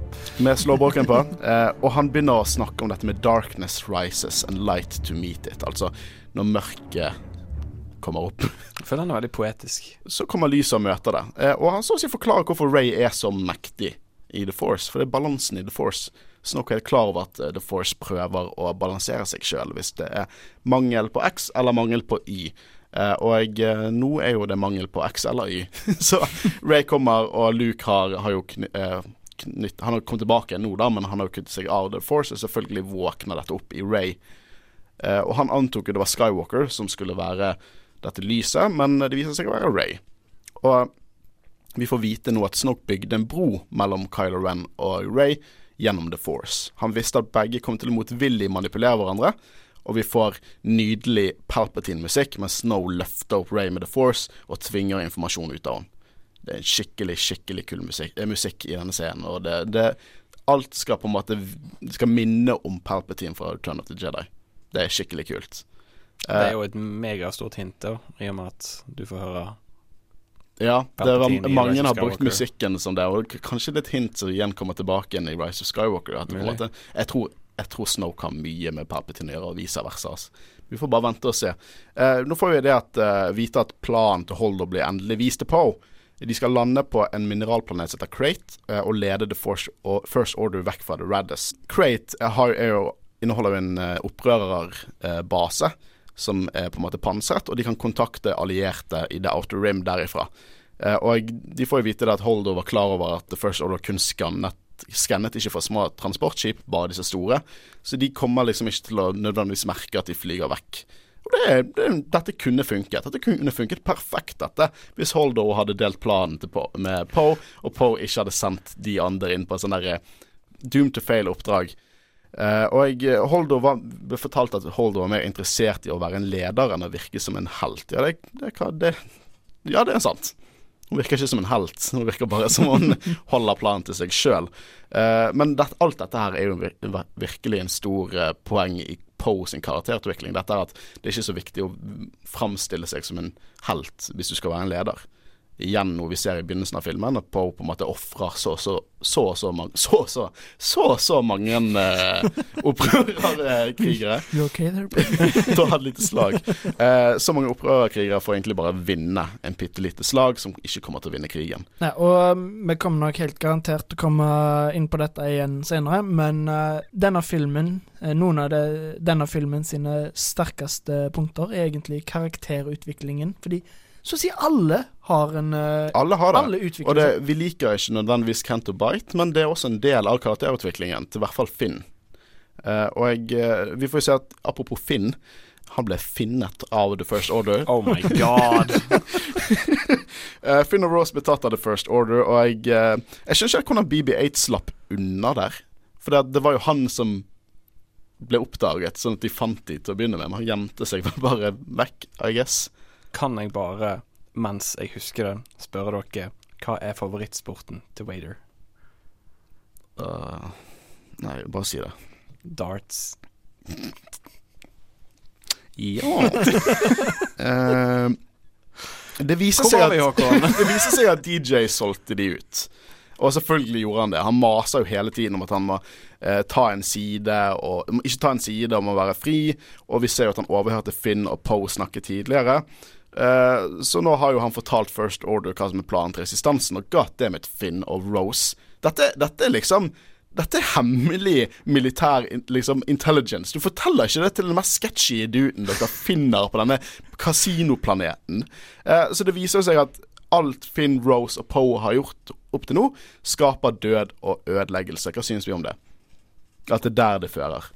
Uh, det gir jo egentlig mening, med tanke på at de blir tatt. Og um, jeg vet ikke. Det okay. Grunnen til at jeg tar det opp, er at det får mye kritikk for at de mener at deres ting i historien ikke fører til noe. Ja. Det, ja, fører, det fører til noe. Til kjempemye. Det fører, det... fører til konflikt. og for det hele temaet til denne filmen er failure, og de feiler totalt. Det er ikke det at det ikke fører til noe, det fører til noe. Det fører bare ikke til det heltene vil det skal føre til. Hvis vi skulle hatt filmer der alle planer ble utført perfekt, så hadde det vært jævlig uinteressante filmer. At alle var bare Alle var Gary Sue, alle var Mary Sue. Uansett hvilken plan det var, så gikk det. Og det eneste som kunne gå feil, er hvis skurken kom og gjorde det feil. Men at heltene gjør feil, jeg syns det er forfriskende. Jeg synes det er forfriskende. Jo, jo, men altså Hele scenen, det han bygger opp til, det er jo meningsløst føler jeg. Hvilken altså, sende Nei, altså, tenker på Kento Bates. Kento Bate. Ja, men igjen, jeg kommer tilbake til hvorfor Jo, jo, jo, men jeg bare tenker sånn Greit nok at de Men hvorfor i all verden Du sa jo det sjøl. Hvorfor i all verden forteller de denne her greia? Altså, hvorfor forteller de alltid denne her eh, det, det, er jo ikke det fall, han overhører det. Så de, de, er jo helt idioter som ja, men, gjør det. Ja, men, de feiler altså, de overhører totalt. Hvorfor de diskuterer det så høyt og åpent. Mm, men de, de, det hele opplegget gjør feil. De prøver liksom å gjøre noe godt igjen, og de feiler på flere måter. De stoler på en person de ikke burde stole på. De gjør et oppdrag de ikke burde gjort. De, og de stoler ikke på den personen de, så det viser seg at de burde stole på. Om Holder fortjente at de skulle stole på, på henne, er jo en annen sak. Men de, fortjener, de stoler i hvert fall ikke på de de bør stole på. Altså, de traff han i fengsel. Hvorfor, hvorfor i all verden tror de han satt der? Altså, det er ikke som at Hvis jeg, jeg, går på, jeg går ikke på gaten og sier at kontonummeret mitt er 120464 ja, det, det er si det de har gjort. Men det fører jo til et sted. Det fører bare ikke til noe positivt syns jeg. Det, det, det, det, er ikke meningsløst i forhold til historien. Meningsløst i forhold til heltene, for de fucker jo bare for seg sjøl. Men det er det som skjer, da. Eh, og Snoke finner jo ut via Ray hvor Luke befinner seg. Når vi hopper tilbake til Snoke. Det er litt hopping her på slutten. Uh, og han skal utslette Jedi-ordren. Uh, jeg elsker hvordan Ray prøver hele tiden å slå han ut som tar lightsaberen, så Snoke bare sånn whoop, smekker hun bak i hodet med lightsaberen. Snoke er så jævlig kraftig eller sterk i The Force. Og så liker han å ha sånn forstørrelsesglass Det er ikke sånn tech-kamera når du skal se på en måte transportene som er blåst ut til helvete. Uh, han bare Se her, her er forstørrelsesglasset mitt, se gjennom. Her ser du old school tech. Det, det er forfriskende. Eh, Han er vedder på at han er, han er klar over klima... Men det første jeg tenkte Jeg, jeg har ikke lyst til å snakke om klima. Never mind. Ta det vekk. okay. Nei, men det jeg skulle si, var at når jeg så den scenen, jeg tenkte jeg alt han gjør i den scenen der han bruker kraften Han må jo være en av de sterkeste jeg har sett. Ja, han bare flikker Altså, han vekk. må jo nesten være på høyde med Yoda, på en måte. Ja, hvis ikke mer. Det, det er helt sykt. Uh, og jeg, jeg elsker på en måte Vi får den sånn følelsen av hvordan i helvete kan vi klare å stå imot han? Ja. Som jeg tror også er en mening at vi skal føle. Men det som er fellesting, da, som er grunnen For Snoke dør jo. Snoke dør i denne filmen. Det er òg noe som sjokkerte meg, for det, det trodde jeg virkelig kom til å skje i film tre. Ja, men la Hva synes du om at det skjer, at han dør? Forfriskende. Du syns det er forfriskende? Så forfriskende! For jeg syns også det er forfriskende. Jeg vil ikke ha en copycat av Palpatine. Hvis vi skal ha en copycat av Palpatine, la det være Palpatine, og det får vi. Ja, han, et, han kommer sikkert til sånn puppet master i neste film. Ja, men i hvert fall Snoke har en ting som er veldig felles til mange mektige darkside-brukere. Det er arroganse. Han maser om hvor, hvor bra han er, hvor mektig han er. Han kan ikke bli betrayed. Og så vil jo han at uh, han fører liksom Ray bort mot Kylo Ren, og vil at Kylo Ren skal drepe henne fordi at hun har the spirit of a Jedi, og det er derfor hun ikke kan overleve. Skal vi òg si at Snoke er arrogant i tillegg? Ja, Snoke er superarrogant. Det, er er det, som, det er det som er deal, det er det jeg sier, Ja. for han snakker om at han er så bra. Og han leter i overflaten av Kylo Ren sitt sinn. Han er overflaten. Men Han han, ser, ser, det, han ser at han snur lightsaberen, men hvilken lightsaber? han ser det han vil se. Ja, det er det. Han, han ser at han snur lightsaberen for å drepe, men hvilken lightsaber ser han? Han ser, han ser at han skal drepe sin sanne fiende, men hvilken sanne fiende? Men apropos det drapet der.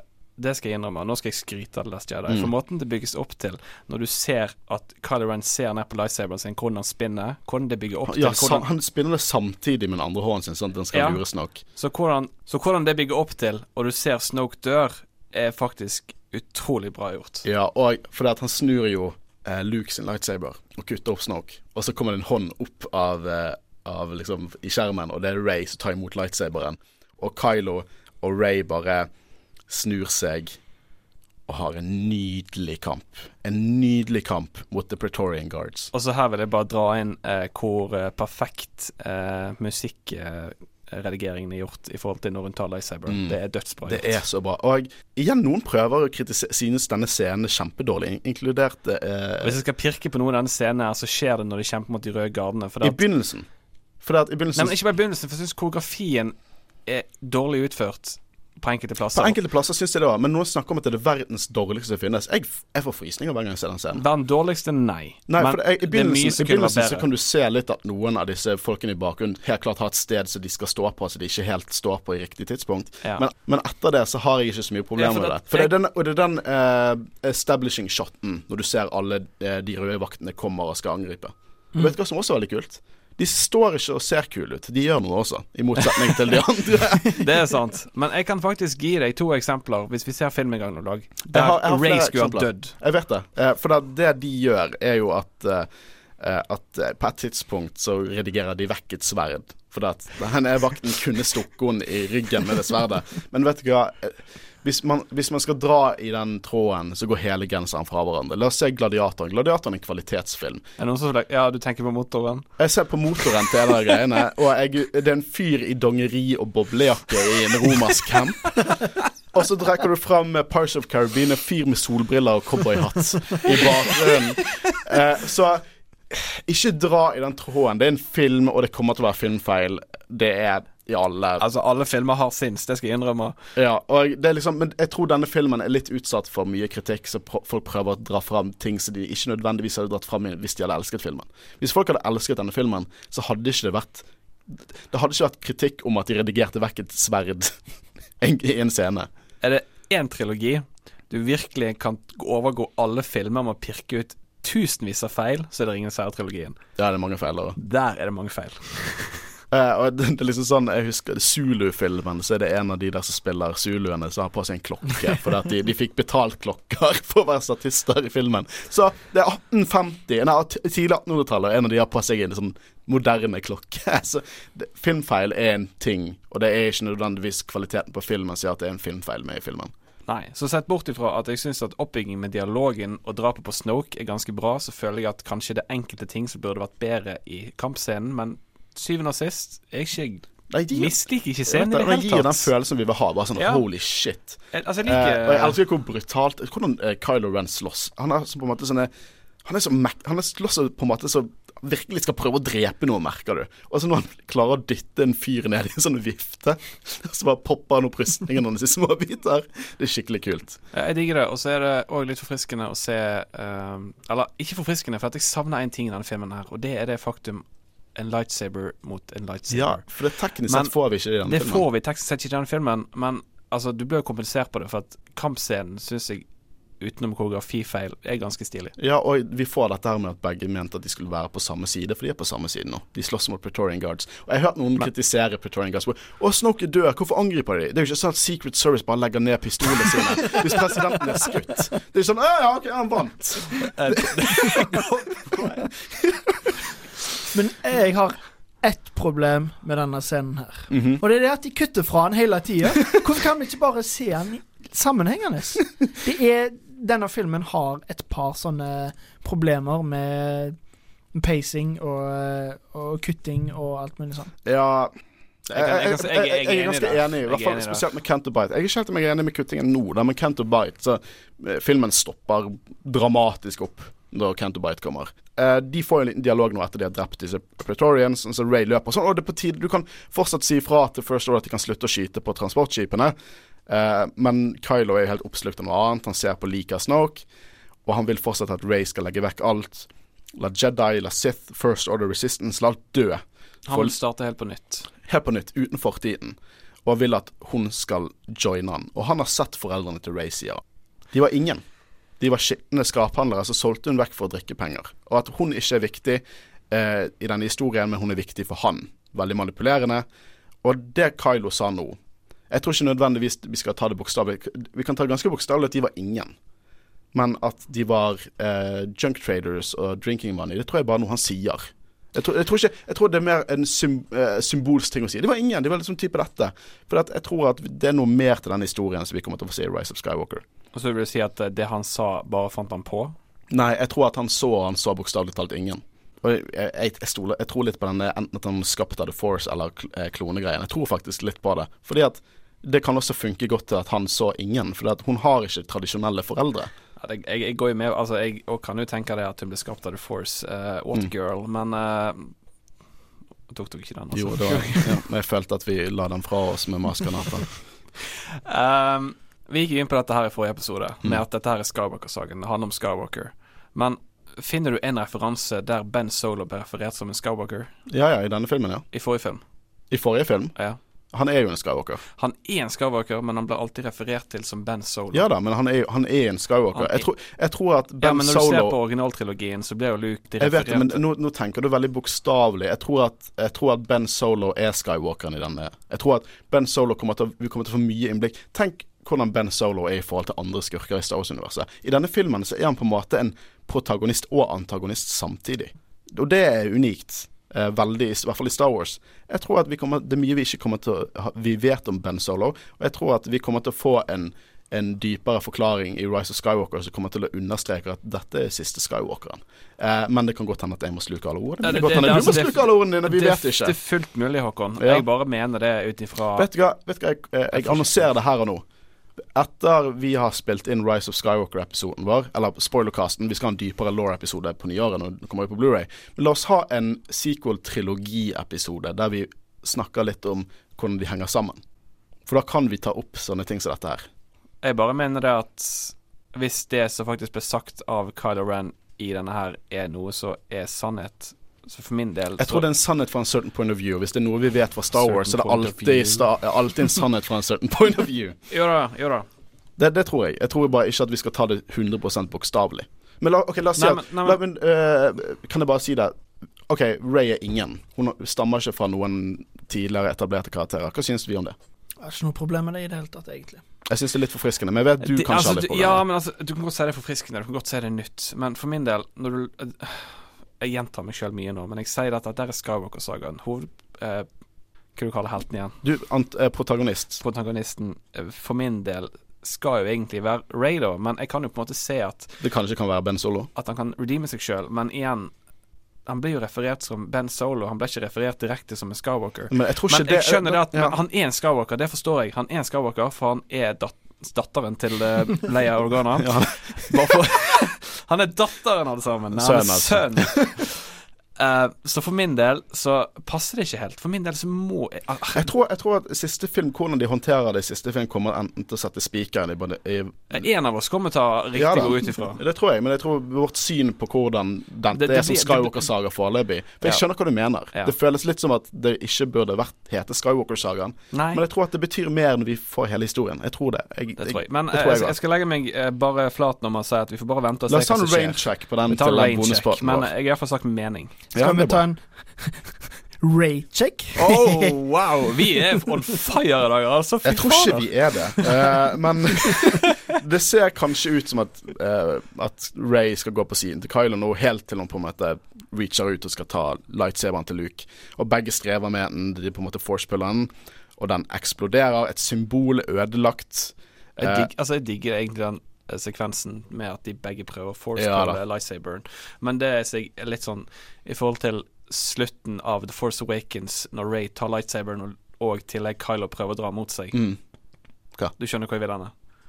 At- Der får hun han, men her er det Men husk liksom også, husk, også, husk også Kylo Ren på den eh, tiden, da. Nettopp drept faren sin superkonflikt. Det er nettopp hatt et armbrøstskudd i, i magen. Nå er han Kylo Ren. Han har drept Snoke, han har drept, eh, han har drept sin far. Han har på en måte kommet gjennom denne veien. For det, det, folk var uenige med Snoke, med at han døde. Altså, han har jo drept Snoke nå, da. Ja, men de at Snoke er bare en plottkarakter. Han var aldri viktig. Det sånn, i, I Force Awakens så sa karakterene visste hvem Snoke var. De var, han er bad guyen. Det var ingen mysterier rundt det, for karakterene visste hvem han var. Det var Leia og Han Solo snakker om det. Snoke eksisterer som en plottkarakter for at Kylo Ren skal komme fram, og han har kommet opp på et nytt nivå nå. Han er mektigere enn han noen gang var. Jeg kan se det. men ja. Og- Kylo Ren har, eh, Snoke har allerede understreket det der at deres kraftnivå er ganske likt. Eh, Luke har understreket det. Han har bare sett denne kraften en gang før i Ben Solo. De er ganske lik kraft. Kan Selv, om jeg eh, kan se hva du sier, så hadde jeg satt pris på litt bakgrunnsinformasjon uansett. Han er ikke skutt lenger fra Chewbacca sin vocaster. Ja, OK, greit. Eh, Rema 1000 er egentlig ofte det beste. Eh, og Holdo Nei, Finn og Rose de skal prøve De skal bli drept nå av to sånne execution troopers. De, sånn- de har sånn svart merke på seg. De var mye i markedsføringen. De gjorde selvfølgelig ingenting annet enn å se litt skumle ut. Kinda. De er veldig synkroniserte, da. Jeg liker hvordan begge sånn tsk, tsk, Og så kommer øksen på. Og det er fe- eh, som skal sånn Å nei, de, de, de fortjener ikke en rask død, og de skal være, det skal være sakte og vondt og, og bad guy. Mm. eh, men Holdo har en plan, for hun ser jo at alt går til helvete nå. Så det hun gjør, er at hun tar The Raddus, hopper en lightspeed inn i Supremacy og tar ut så å si halve flåten sammen med Supremacy i en syk scene der de bare stopper all lyden. Ser de eh, skiter gjennom, og så kommer lyden i bakgrunnen. Jeg så det på kino, så var det helt stille, bortsett fra en fyr som var sånn Eh, Jeg bare Det, det er dødskult. Det er dødskult. Eh, og jeg er litt lei meg fordi at eh, du er, ikke er uenig med meg akkurat nå, Christian. Eh, så hvordan kan man hyperspace travel bare inn i noen? Og hvorfor har ikke folk gjort det før? Ja, det er òg mitt spørsmål. Ja, ok. Så når man skal Ok, først er det der. Kunne ikke man droid gjort dette? Dette var ikke en plan hun planla å gjøre. Og i Legends i hvert fall så har det vært sånn hyperspace inhibitors, da, som gjør at en autopilot eller noe sånt kanskje bare hoppe inn i lightspeed der det er fare for å krasje med noe. Det går ikke an. De er bygd imot det. Og Holdo, hun hopper ikke inn i lightspeed i de. For for å komme inn i lightspeed Lightspeed er kinda en annen dimensjon. For å komme inn i den dimensjonen, så må du, må du komme opp i lightspeed. Hun har lagt inn eh, sine liksom, kalkulasjoner til å treffe lightspeed bak The Supremacy. Og det gjør at hun hopper inn i The Supremacy. Og grunnen til at hun tar ut så jævlig mange eh, folk bak The Supremacy, er basically det samme logikken som kanonkuler i sånn sjøfarts... eh, Eller gammel sjøkrig. Det er ikke kanonkuler som dreper folk, det er splintene. Og uh, The First Order har fullt av skip bak The Supremacy. Hvis de ikke hadde vært bak The Supremacy, så hadde ikke de blitt ødelagt. Men de blir ødelagt fordi vi truffet av splintene. Det, det, det er på en måte fysikk. Akkurat det. Det gir mening. Men hvorfor har ikke de gjort det hele tiden? Fordi at Dette er en chase, og First Order har fullt av skipet bak seg. I en konflikt så vil ikke det være fullt av skip bak seg. Det hadde vært mest sannsynlig ett skip, spørs på masse, da, ødelagt. Ødelagt. De ødelegger jo ikke Supremacy, det er mange som overlever. Det er bare kutter den på min, kan, kan jeg, av en tredjedel. Det hadde blitt ett skip, ødelegge ett skip, ett skip, ødelegge ett skip. Det hadde vært ikke potens effektiv krigføring. Det var dyrt. Og man kunne ikke gjort det bare med en droid. Og for alt vi vet nå, er at hun klarer dette her bare liksom 100 to 1 sjanse for at hun klarer det. Ja, altså, hun blir jo desperat, så hun vil vel prøve Ja. hva som helst. Hun vet vel kanskje ikke at det funker, men Alt, alt som gjør at det funker, er hvordan The First Order har satt opp flåten sin, og det er jo ikke satt opp sånn i en konflikt. Og om hun visste at det kom til å funke, en helt annen ting. De vet jo ikke det engang. Så ja, jeg kjøper at det skjer. Jeg syns det er veldig kult at det skjer. Og nei, basert på Cannon og alt det der, det er ikke noe som hadde vært en på en måte en bra måte å krigføre på. Det er ikke sånn vi ser Rise of Skywalker, så det er bare fullt av skip sånn dum, dum, dum. Til slutt så er det bare én. Det er ikke sjakk, liksom. Én tar ut én. Dette er ikke noe, det er jo ikke så mye canon-shit som gjør at dette her eh, er forklarlig, syns jeg, da. Nei. Jeg synes at Star Wars introduserer fysikk, og så synes folk det er urealistisk. Jeg synes Star Wars introduserer realistisk fysikk nå, med hvordan ting reagerer på hverandre, og så synes folk det er kjedelig. Men, Men, um, eh, Eh, det skulle, du kan jo òg bare forklare kort eh, at eh, hun ser jo i bakgrunnen at disse transportskipene blir skutt ned én etter én, og det er Mm. motivasjonen hennes til å gå opp i uh, si, kaller du hovedrommet i ja, ja, Broen, eh, Eh, broen, I liksom. broen, Ja, ja. takk. Broen. Hun går opp i broen og gjør seg det hun kan for henne. Ja, for det, hun, det var ikke noe plan. Hennes plan var jo bare å drifte den videre. Mm. En annen eh, ting som vi kan kritisere, hvorfor måtte hun bli? Men hvis ikke hun hadde blitt om der, og det var en droid som styrte skipet, så kunne hun ikke gjort noe sånt. Så kanskje hun tenkte at hvis hun måtte gjøre noen manøvre som hun ikke stolte på en droid til å gjøre, så ville hun være der i skipet. Mm. Uh, og jeg, jeg synes det er en grei forklaring på hva som skjedde. Og eneste forklaring egentlig trenger at det ser jævlig kult ut. Ja, altså, jeg syns Jeg syns den scenen med all lyd vekke det, Jeg syns det ser dritkult ut. Det, det er følelsen, altså. Ja, ja. Og lyden og alt, det, det er skikkelig, skikkelig kult. Uh, jeg har bare noen Jeg hadde litt frustrert Jeg sier sånn at eh, Nei, vet du hva, bare ta vekk dette. Jeg skrev noen notater om kjønnsorgan og sånn. Jeg vet ikke hvorfor. Nei, nei, nei. Har Nei, du sagt var- A, så sier du B. Ja, men det var typisk sånn der at, eh, at liksom Og de introduserer ballistics, det er realistisk, og bare fordi vi ikke har sett det før, så blir folk sinte. Litt sånn at hvis de sier at eh, det eksisterer sex i Star Wars, så blir de sinte, for vi har aldri sett et kjønnsorgan i Star Wars. det er grunnen til at jeg ikke ville si det, OK? Ja, det jeg skjønner. Uh, ja. Finn versus Phasma. Kamp mellom Finn og Phasma. Og Phasma på en eller annen måte sto rett med Finn og de. Og så sprengte Supremacy. altså Og så bare er de på andre siden av hangaren og kommer marsjerende ut av røyken. Det er så teit. Jeg forstår det ikke. Det er en kul introduksjon, men hele denne sekvensen føles ut som et eh, Nei, men videospill. hør da. Så alle falt vekk. De, eh, de eh, Rose og Finn lå liksom slått ut, og så sier Phasma Hysj, nå går vi bort dit. Eh, og så tar vi og slår bak du der, du der, du der. Alle tar posisjonen sin. Så går vi sakte mot dem og ser kule ut. Det er sånn det er en, det er en cutscene til et Det er en cutscene. Også, Introduction til en boss fight. Og så i bakgrunnen, Fordi da ser du jo liksom at uh, BB8 har uh, kapra en eller annen sånn en ATST. Åh, det er så teit! Åh. Altså, det ser ut som Finn og Fasme slåss i liksom eh, Tekken eller noe sånt, og så ser du bare ting i bakgrunnen som ikke har noe Men eh, jeg må si at kampen er kul, da. Det er det. Eh, og jeg, jeg liker veldig godt sånn eh, når Rose prøver å skyte på henne, så bare sånn ding, og så bruker hun en sånn spyd som faktisk er på, fra Parmassos, den der Mad Max-planeten hun kommer fra. Og jeg, jeg Finn vinner så å si mitt uhell. Altså, når det han liksom litt- detter ned eh, Ja. han, tar, eh, han har lært et triks fra Marty McFly. Og eh, Håkon, hvis du hadde sett Tilbake til fremtiden, så hadde du visst hva jeg eh, Wait, nå- wait, nå mister wait, flere wait. Nei, Ikke si sånn. Har ikke sett Forteller du meg at har du ikke har sett Tilbake til Nei, jeg har fremtiden? ikke sett Tilbake til Er du splitter splitta pine Og nå er det vel tilbake til fortiden, da, som vi har gått forbi alle de tidsgreiene de var i. Har ikke du sett en av de beste trilogiene en skapt? Jeg har sett uh, Ringenes herre, Dark Knight og Star Wars-trilogiene. Ja, du, du mangler én. Nummer Nei, mangler fire, ja. Men Det ruller ikke av tungen å si fjerde beste filmtrilogien som noen gang har eksistert. Uh, men vi ser må falle ned i flammene og bare sier 'You were always scum', og så sier Finn 'Rebel scum'. Og det liker jeg. Det er litt kult. Han er rebel scum, og det er så å si understreker hans karakterutvikling. Han begynner å jobbe for en større sak enn bare seg sjøl og Ray. Ikke for å dra etter strå her, men er ikke det veldig forvirrende at de kaller seg sjøl både Rebels og Resistant? Nei, det er synonymer, da. Syns jeg. Så jeg. Jeg har alltid sett på det litt sånn når jeg så denne filmen, for da begynner de å kalle de Rebels mer. Men det er jo synonymer, men de heter The Resistance, og så er det litt sånn at de sikkert bygger litt på på en måte De har samme ikonet som opprørerne De har samme ikone, ikonet, på en måte Ja. de er enten Rebels eller Resistance. For Rebels var de som kjempet mot imperieopprøret der. Dette er Resistance. Kanskje etter at rep republikken ble sprengt, Men eh, dette, her, dette her er ikke noe jeg ser på som negativt, men det kan være litt forvirrende. Ja, eh, det er ikke jeg, jeg, vet jeg har ikke så mye imot det, men jeg, jeg skjønner hva du mener. Jeg, jeg, jeg bare ser på det som synonymer, så det er litt sånn. Ja.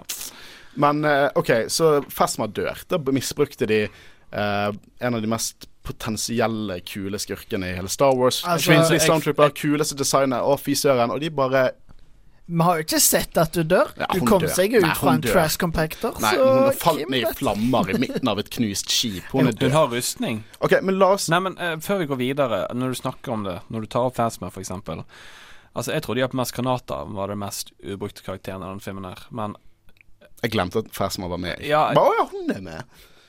Nei, Men, men, Fas... Kan vi bare skrive om denne scenen her? For jeg har, et, jeg har en måte som de kunne fikset på dette. Jo, ja, men jeg går ut ifra du da- Håvard, hørtes ut som du var enig med meg. Da går jeg ut ifra at du òg er enig med meg Jeg er forhold til enig. at Phasma. er lite brukt i denne Jeg kan beskytte alt annet bortsett fra. Går ikke beskytte Phasma.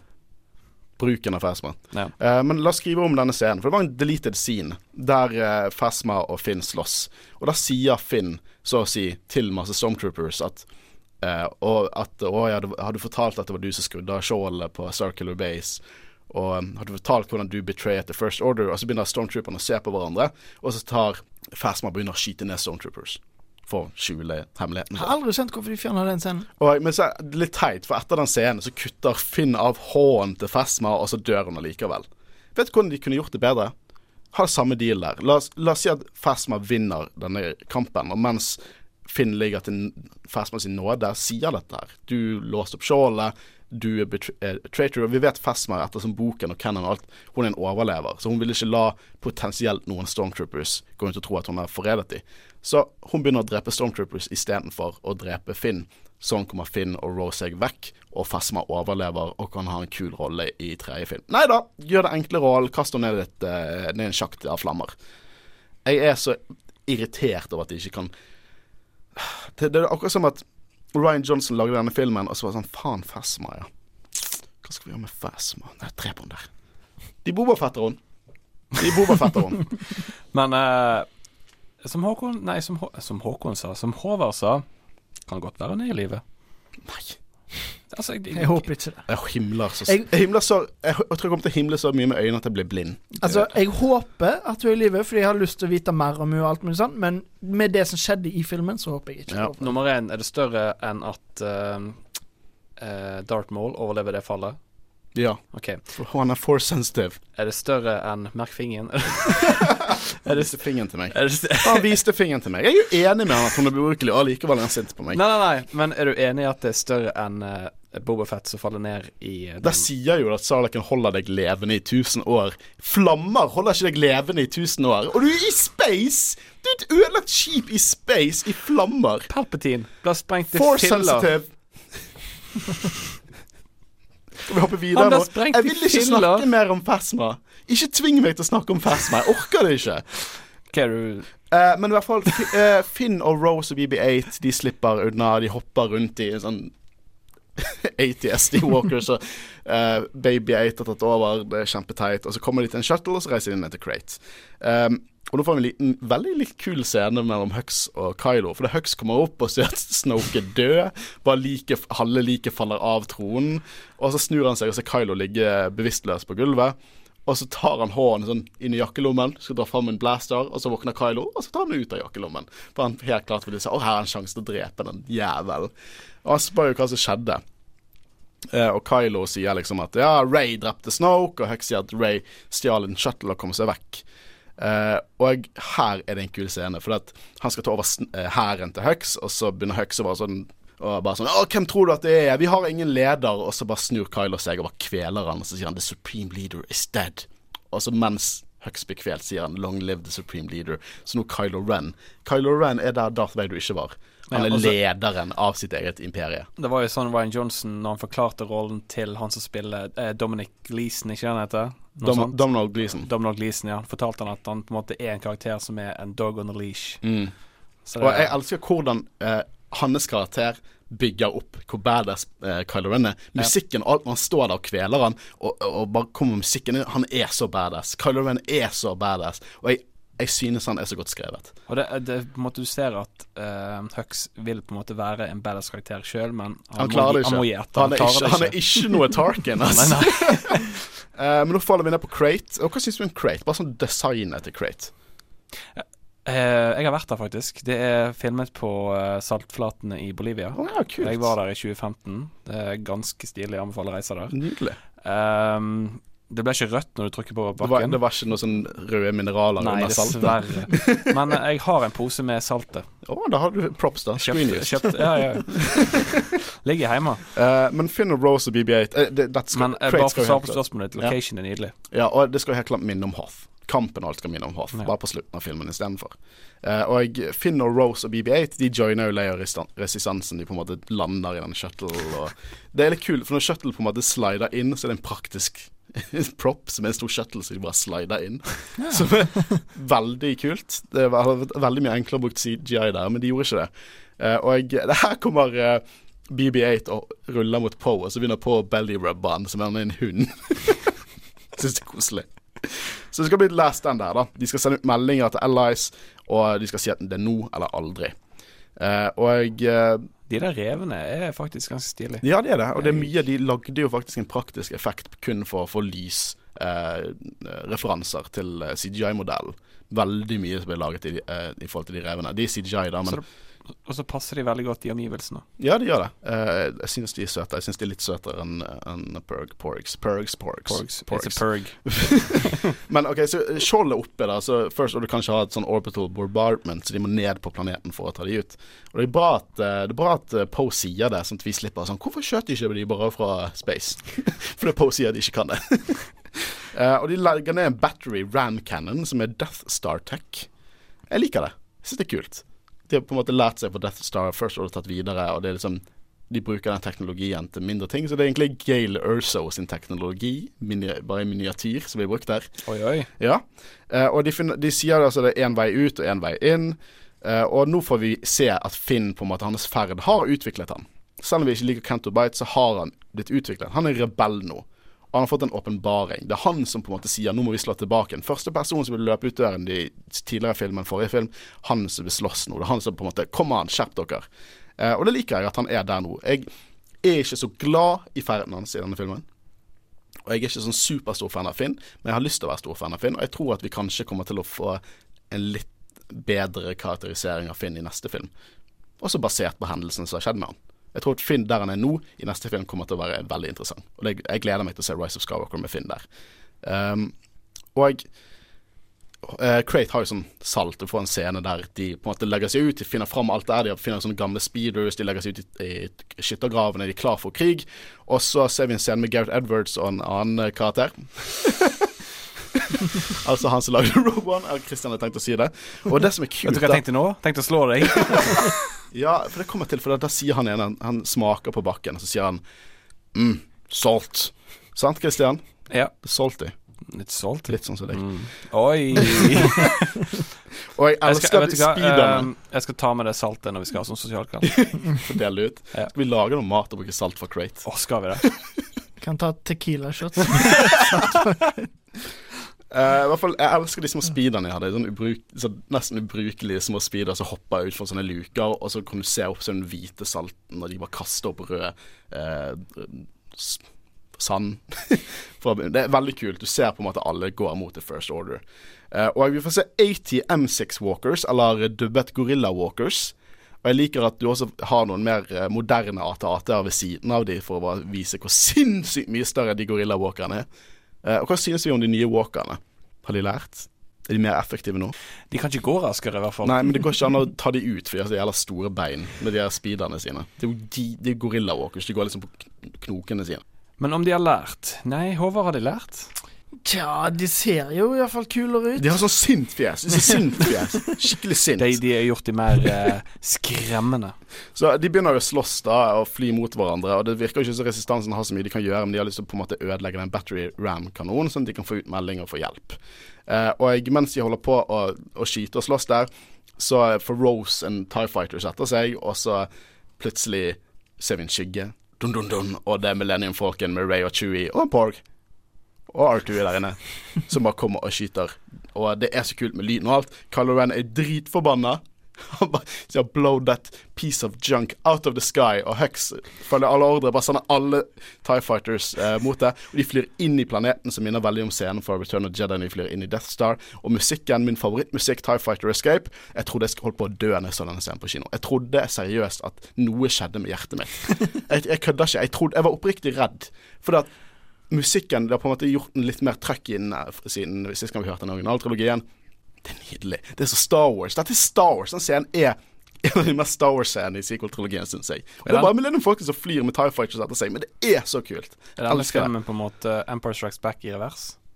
Kinda det og Return of the Jedi, kinda. Kanskje. Så neste film er noe vi aldri har sett. Altså, ikke at det er on point likt, men du kan få den følelsen. Ja. Uh, og jeg, Kylo og Hux de slåss litt om autoritet, som er så morsomt. For det er sånn der uh, Concentrate all firepower on the speeder, så sier Hux akkurat det samme etter Kylo Ren sier det. Um, og speederne dør én etter én, og Poe har jeg klart også kommet til et nytt punkt han som karakter. Helt annet syn. For det er så å si det samme scenario fra begynnelsen. Kanskje de kan klare det, kanskje de ikke, men de kommer til å drepe så mange ved å gjøre det. Så er det verdt det, kommer de bare til å utsette det first order bitte litt. Så han sier at de må de må, de må retrettere.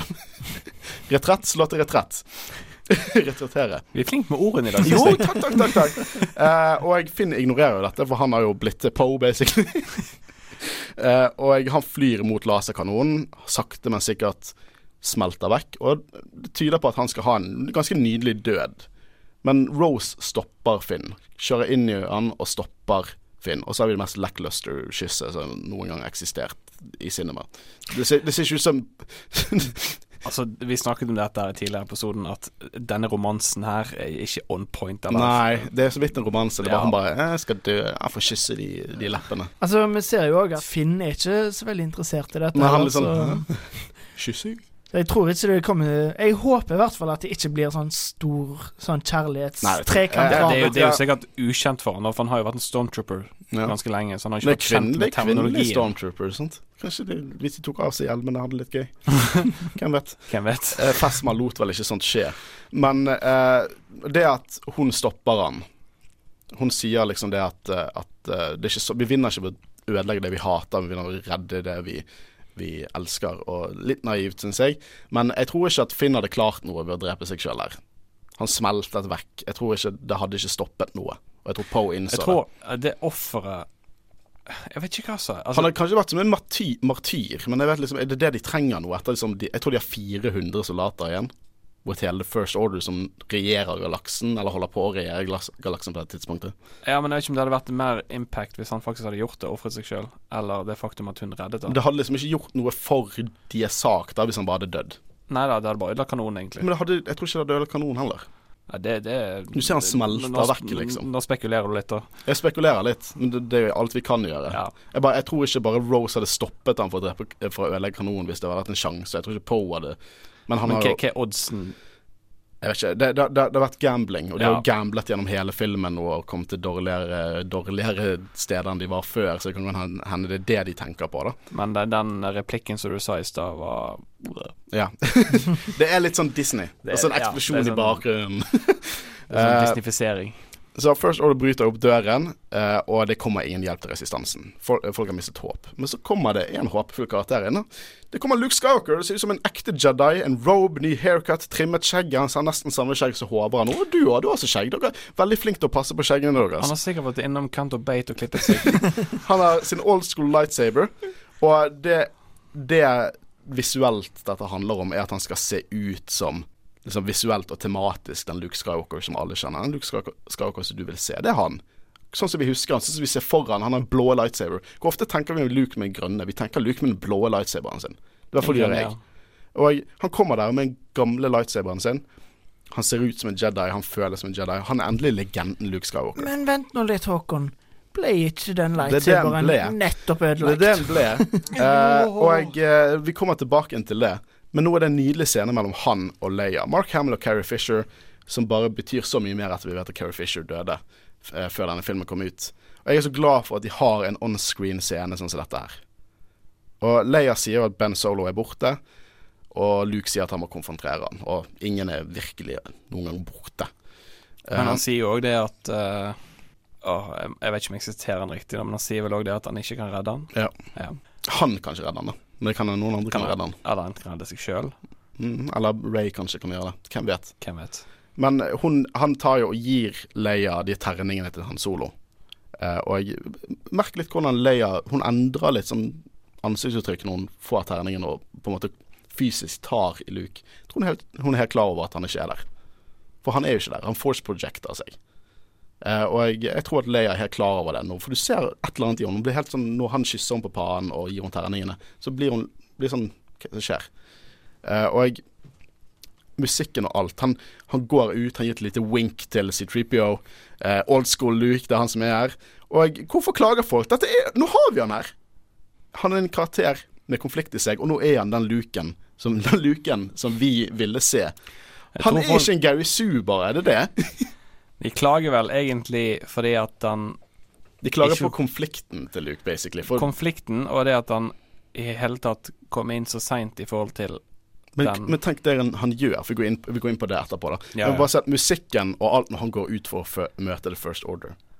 Ja, ja, awesome. Og helt alene, akkurat som han sa i begynnelsen av filmen. Hva forventer du at jeg skal gå og møte The First Order Det var på det punktet i kinosalen jeg satte meg tilbake og sa 'endelig'. ja. Og han kommer ut der, og så ser mot hele First Order det bildet når han står der.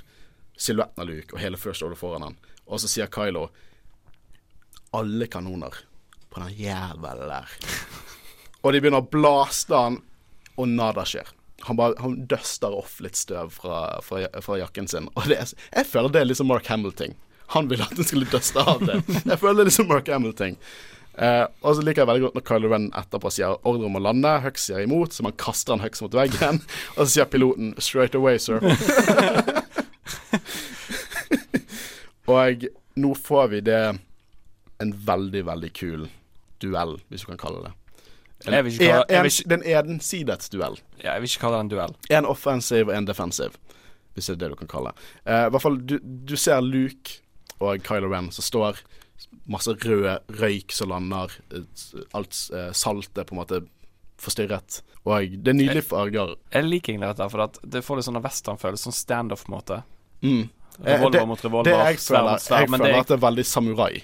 Sånn eh, Akira Kurosawa to, Det er ikke mange mye Det er bare de løper og swiper på hverandre. Det er ikke nødvendigvis en fektekamp. Du ser det også med Obi-Wan versus Darth Maul, eller Maul i Rebels. Veldig kort, veldig presist. Men det er sant det du sier om Sumirai, eh, men i tillegg Jeg vil ikke kalle det en duell, for det at Kylo er den som går offensiv ut der, men det eneste Luke gjør, er å gjøre manøver for å komme seg unna Ja. eh, Kylo sine bevegelser. Og likevel, før dette skjer, så sier jo Kylo sånn Å, er du her for å redde sjelen min? Sier at du er du, You're sorry. Og så sier bare Luke nei.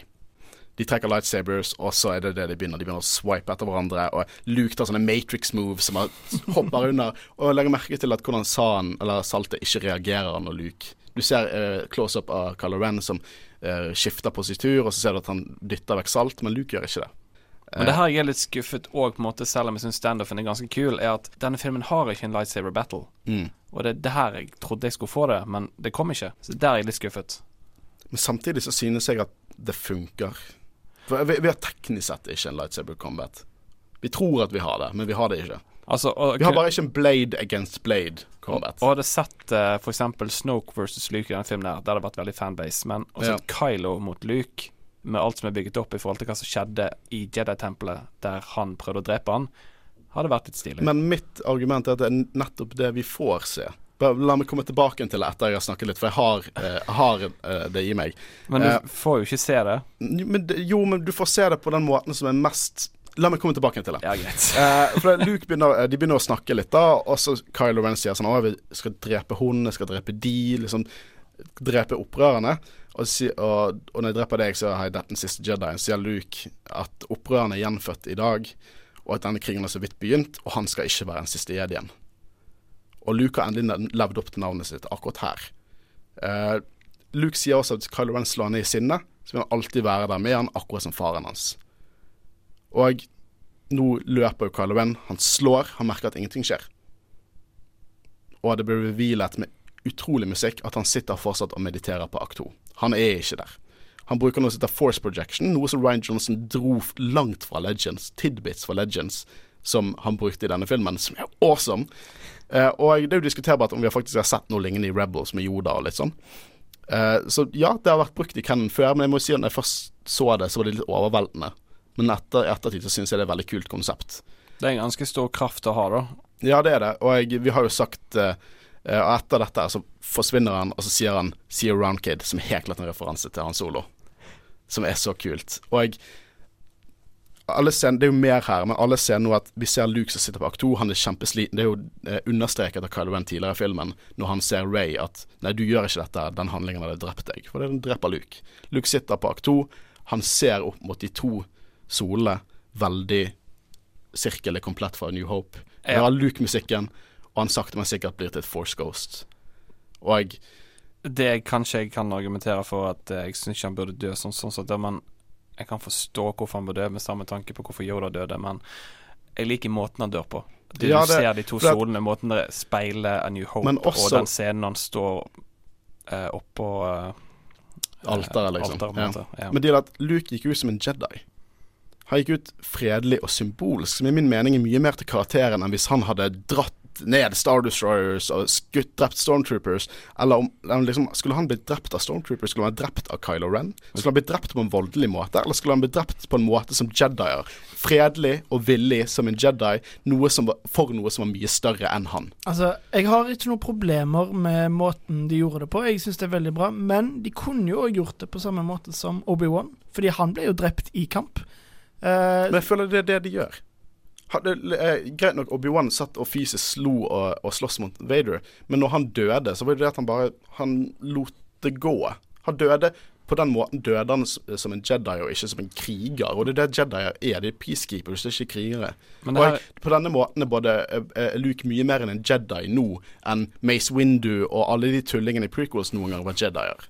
Og det er derfor jeg synes det er passende. Jeg helt når jeg først så filmen, så var det sånn Det er sånn Luke går ut, men jo mer på en måte bearbeidet det. Sånn, selvfølgelig går han ut på den måten. Det er den mest symbolske måten en Jedi kan gå ut på. Han går ut på uten å være i konflikt, uten å drepe eller noe sånt. Han går ut ved å bare gi sitt liv for noe som er større enn han. Og hvis Luke skal gå ut, så vil jeg heller det enn at han skal få sitt Vader-moment for Rogue One, at han bare dreper mange og, og sånn.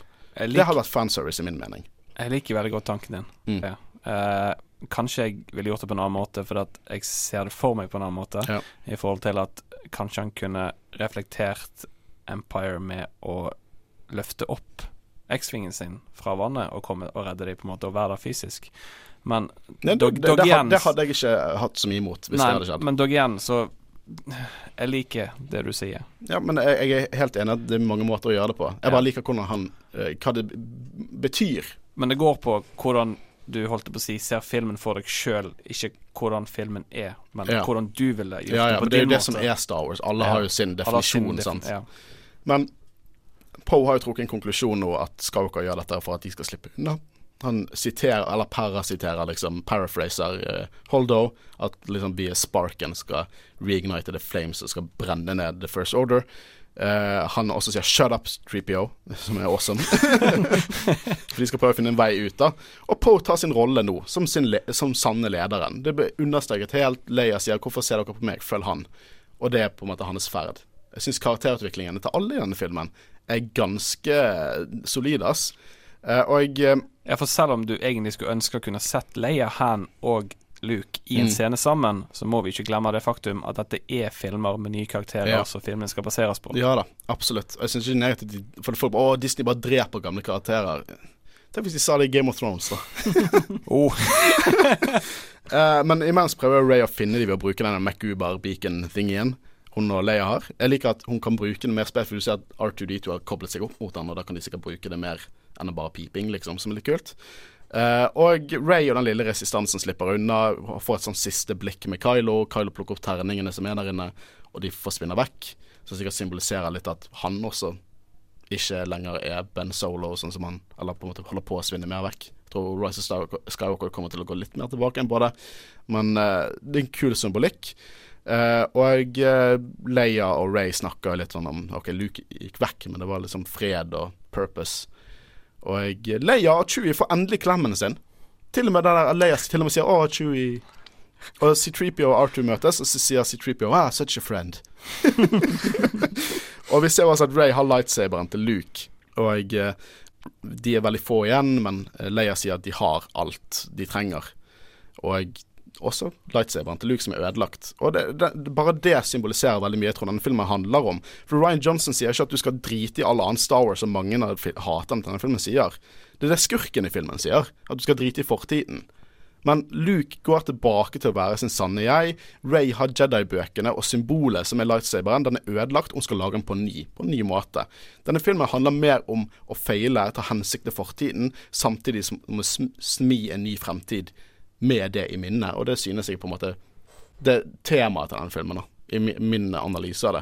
Og vi får se en siste scene i forhold til at det er håp i galaksen igjen. Vi ser en ungen som var på på Bite, bruker The Force, later som kosten i en lightsaver og ser opp med himmelen. The End. Det er nytt symbol, og The Force er tilbake igjen i galaksen. Det var Star Wars episode 8, Last Jedi. Og hva synes vi nå når vi har gått litt mer i dybden til denne filmen? Første gang jeg så denne filmen, så visste jeg ikke helt hva jeg uh, synes. Jeg, jeg, tror det har mer med det at det, det har alltid vært sånn når jeg har sett Star Wars på kino, at Eh, det er så overveldende. Jeg aner ikke hva jeg synes. Jeg må se det et par ganger før jeg egentlig vet nøyaktig hva jeg synes. Det har ikke med det at jeg ikke likte den. Det var bare så mye nytt. Uh, men egentlig etter å ha sett den flere ganger, så liker jeg den bare bedre og bedre og bedre for hver eneste gang jeg ser den. Jeg eh, elsker denne filmen. Det er selvfølgelig mange ting jeg ikke liker, sånn som Cantobite og litt sånn, men stort sett så er dette en fantastisk film. Gå først, du. Jeg går først. Jeg, jeg forguder denne filmen. Vet, den har enkelte feil. Og det er, mye, det er noe enkelte greier jeg ikke kan forsvare, men jeg syns i bunn og grunn temaet og, og, karakterene og alt i denne filmen er nydelig. Jeg har aldri brydd meg så mye om et for skurke versus helt-forhold som Kylo Ren og Ray. Jeg har aldri brydd meg så mye mer om Luke og hans ferd som karakter. Uh, jeg syns denne filmen er nydelig. Uh, virkelig, virkelig setter pris på den. Den shaker ting opp, det gjør den, og det kommer til å trakke på tær. Men det, film, det vi sitter igjen med i denne filmen, er noe vi ikke vet kommer til å skje i, i neste film. For den er ikke Den er på en måte en referanse til på at Rise, nei, til Return of the Jedi og Empire. Vi vet ikke hva som skjer neste. Jeg elsker at Snoke dør, jeg elsker at de tar den twisten. Jeg liker veldig godt at Ray tilsynelatende ikke er en Skywalker. Og jeg, igjen elsker hva filmen prøver å formidle. Jeg, jeg har sett denne filmen tolv ganger nå. eh, og jeg, jeg, liker den også mer og mer jo mer jeg ser den. Og jeg er helt enig, jeg skjønner hvorfor folk kan ha problemer med den. Jeg, jeg, jeg, skjønner det. Kanskje på tide å slutte å si 'Last Jedi Sucks' i alle YouTube-kommentarer, men jeg skjønner at folk ikke på en måte var klar for dette her. Men det er det som skjer når man tar noe så skjært som Star Wars og shaker det litt opp og gjør det til noe vi ikke helt forventer. Mm. Og til og med Empire Strikes Back fikk vel ganske mye backlash når den kom Veldig ut. Mye Folk likte ikke den. Eh, så jeg tror og håper at om 10 år, 10-15 år, så kommer folk til å tror, se ja, på det som et mesterverk. Jeg tror folk kommer til å se på det som et mesterverk, i hvert fall når de har hele historien der, og om et par år når det på en måte har gått inn hva denne filmen er. Og det er ikke noe disrespect til din mening, Christian. Jeg sier ikke at du vet bare ikke bedre enn stakkars lille deg. Men jeg bare tror at, den, jeg tror at dette er en slow burner, hvordan eh, folk ser den, da. Jeg må si, første gang jeg så den, så fikk jeg sjokk. Det var så jævlig mye nye ting. Jeg forventet ikke det hele tatt. Jeg visste ikke hva jeg Jeg var, jeg var litt skuffet første gang jeg så den. Så så jeg den en gang til. Fy søren, dette er et mesterverk. Så tredje og fy søren, jeg liker den bedre enn, Last Jet, nei, Force Awakens. Jeg virkelig elsker denne filmen, uh, og jeg, jeg unner folk til å på en måte være litt åpen og kanskje se på filmen for det er, og på en måte ta det inn over seg. da For jeg, jeg synes det er en, en fantastisk film. Jeg vil si at jeg hater filmen er jo ganske sterkt, selv om jeg har sagt det. Men jeg har problemer med den. Det har jeg. Det Men Syns du fortsatt at uh, den er dårligere enn Phantom Menace? Ingen kommentar. Kom an. Syns du, ja eller nei? Syns du denne er- Nå etter vi har diskutert den, syns du den er dårligere enn Phantom Menace? Nei, han er ikke dårligere enn Phantom Menace. Oui. Oh, vi gjorde det. Åh, dette er grunnen til at vi startet podkasten. Vi gjorde det. La meg fullføre. jeg, så, altså, jeg så denne filmen fire-fem ganger sånn cirka, uh, fordi jeg ikke greide å finne opp en mening om filmen. At det var noe nytt, det var originalitet. Ryan Johnson er den modigste regissøren jeg noen gang har møtt. Helt ærlig. Han, han Han tar på seg god. en saga der fanbasen, fanbasen er såpass Holdt på å si splittet i meninger at det er farlig å bi seg ut på noe sånn som dette her. Du må altså tenke liksom Men- hvor sinnssykt risky Jeg- det var å lage denne filmen. Det er fremdeles problemer jeg har med filmen, på en måte i forhold til hvordan han underbygger litt The Force Awakens. Mm. Hvordan han har litt meningsløse plot points. Hvordan han har Dette går jo veldig på det vi snakket om Luke, men i forhold til det med Jeg kan se dine synspunkter, Mm. men ikke den Luke jeg på en måte kjenner, men det jeg kan forstå hvor du vil henne med Ja. hvor Luke er nå. Så det er for så vidt greit nok. Uh, han har vokst på meg, du skal ha det. så bra. så bra, Jeg er happy for det. Men Ryan Johnson jo, gikk jo ut på en veldig vanskelig ferd. Fordi at når Force Awakens kom ut Alt Force Awakens trengte å være, var bedre enn Revenge of the Sith. Det var alt den filmen trengte å være. Var bedre enn episode 3. Episode 3 er, er, er, bra, den. Men eh, den er ikke eh, tidløs, nydeligste Star Wars-filmen som eksisterer. Og det er alt Force Awakens trengte å gjøre, å være bedre liksom bunnivå bedre enn prequel-trilogien. Og det skulle ikke mye til for å være bedre enn prequel-trilogien. Denne filmen den måtte i tillegg til å på en måte være samme kvalitet som Force Awakens, så måtte man også gjøre noe nytt enn Force Awakens gjorde. Så derfor er det selvfølgelig en film som er kontroversiell og på en måte rusler litt i fjærene. Så jeg håper bare at folk kommer til å ta litt mer imot seg og kanskje tenke litt mer åpent om den. For jeg, jeg, jeg unner folk til å, li til å på en måte like denne filmen. Jeg tviler på noen gang kommer til å bli min topp tre, holdt på å si. Nei. Men dog igjen, han leverer en Phantom Menace. ja, så bra. Den er, den er på tredjeplass hos meg, faktisk. Uh, men det var Star Wars episode 8, The Last Jedi fra 2017. Vi, vi, vi kom, vi klarte Vi dekket alle filmene opp til nå. Det er mye mer å komme. Vi skal jo dekke Rise of Skywalker. som kommer ut 18.12. Slutten på Skywalker-sagaen. Vi skal dekke Mandalorian neste semester. Så skal vi etter jul så skal vi snakke om Mandalorian. Vi skal ha bonuspodkaster. Vi skal snakke om uh, Jedi Fall Order. Uh, neste uke skal vi ikke ta solo. Solo tar vi på nyåret, siden solo er ikke nødvendigvis en riktig del av sagaen. Jeg tror ingenting fra solo kommer tilbake i Rise of Skywalker. Eh, Så derfor så skal vi ha en spekulasjonspodkast. Ja, neste uke. Så blir det en spekulasjonspodkast om Rise of Skywalker. Solo, ta det helt med ro. Solo kommer eh, neste år. Da skal vi ha en skikkelig eh, soloepisode. Søren, jeg hadde tenkt å kjøpe en solobrus sammen. Eh, og vi kommer til å ha to episoder om Rise of Skywalker, for den skal vi ut nå. Da har vi ikke tid til å komme oss inn i, i Lauren så mye. Men vi skal ha en spoiler-podkast av den, og så skal vi dekke liksom law-messig når den kommer ut på Blu-ray der vi virkelig kan se 30 sekunder, trykke på pause og skrive syv sider med notater om den filmen også. Vi har vært Jedi-rådet. En Star Wars-podkast fra Studentradioen Bergen. Mitt navn er Håkon Øren. Sammen har jeg sittet i studio med, Håvard Ruud. Kristian Aspen, og vi snakkes neste gang. Ha det bra. ha det bra.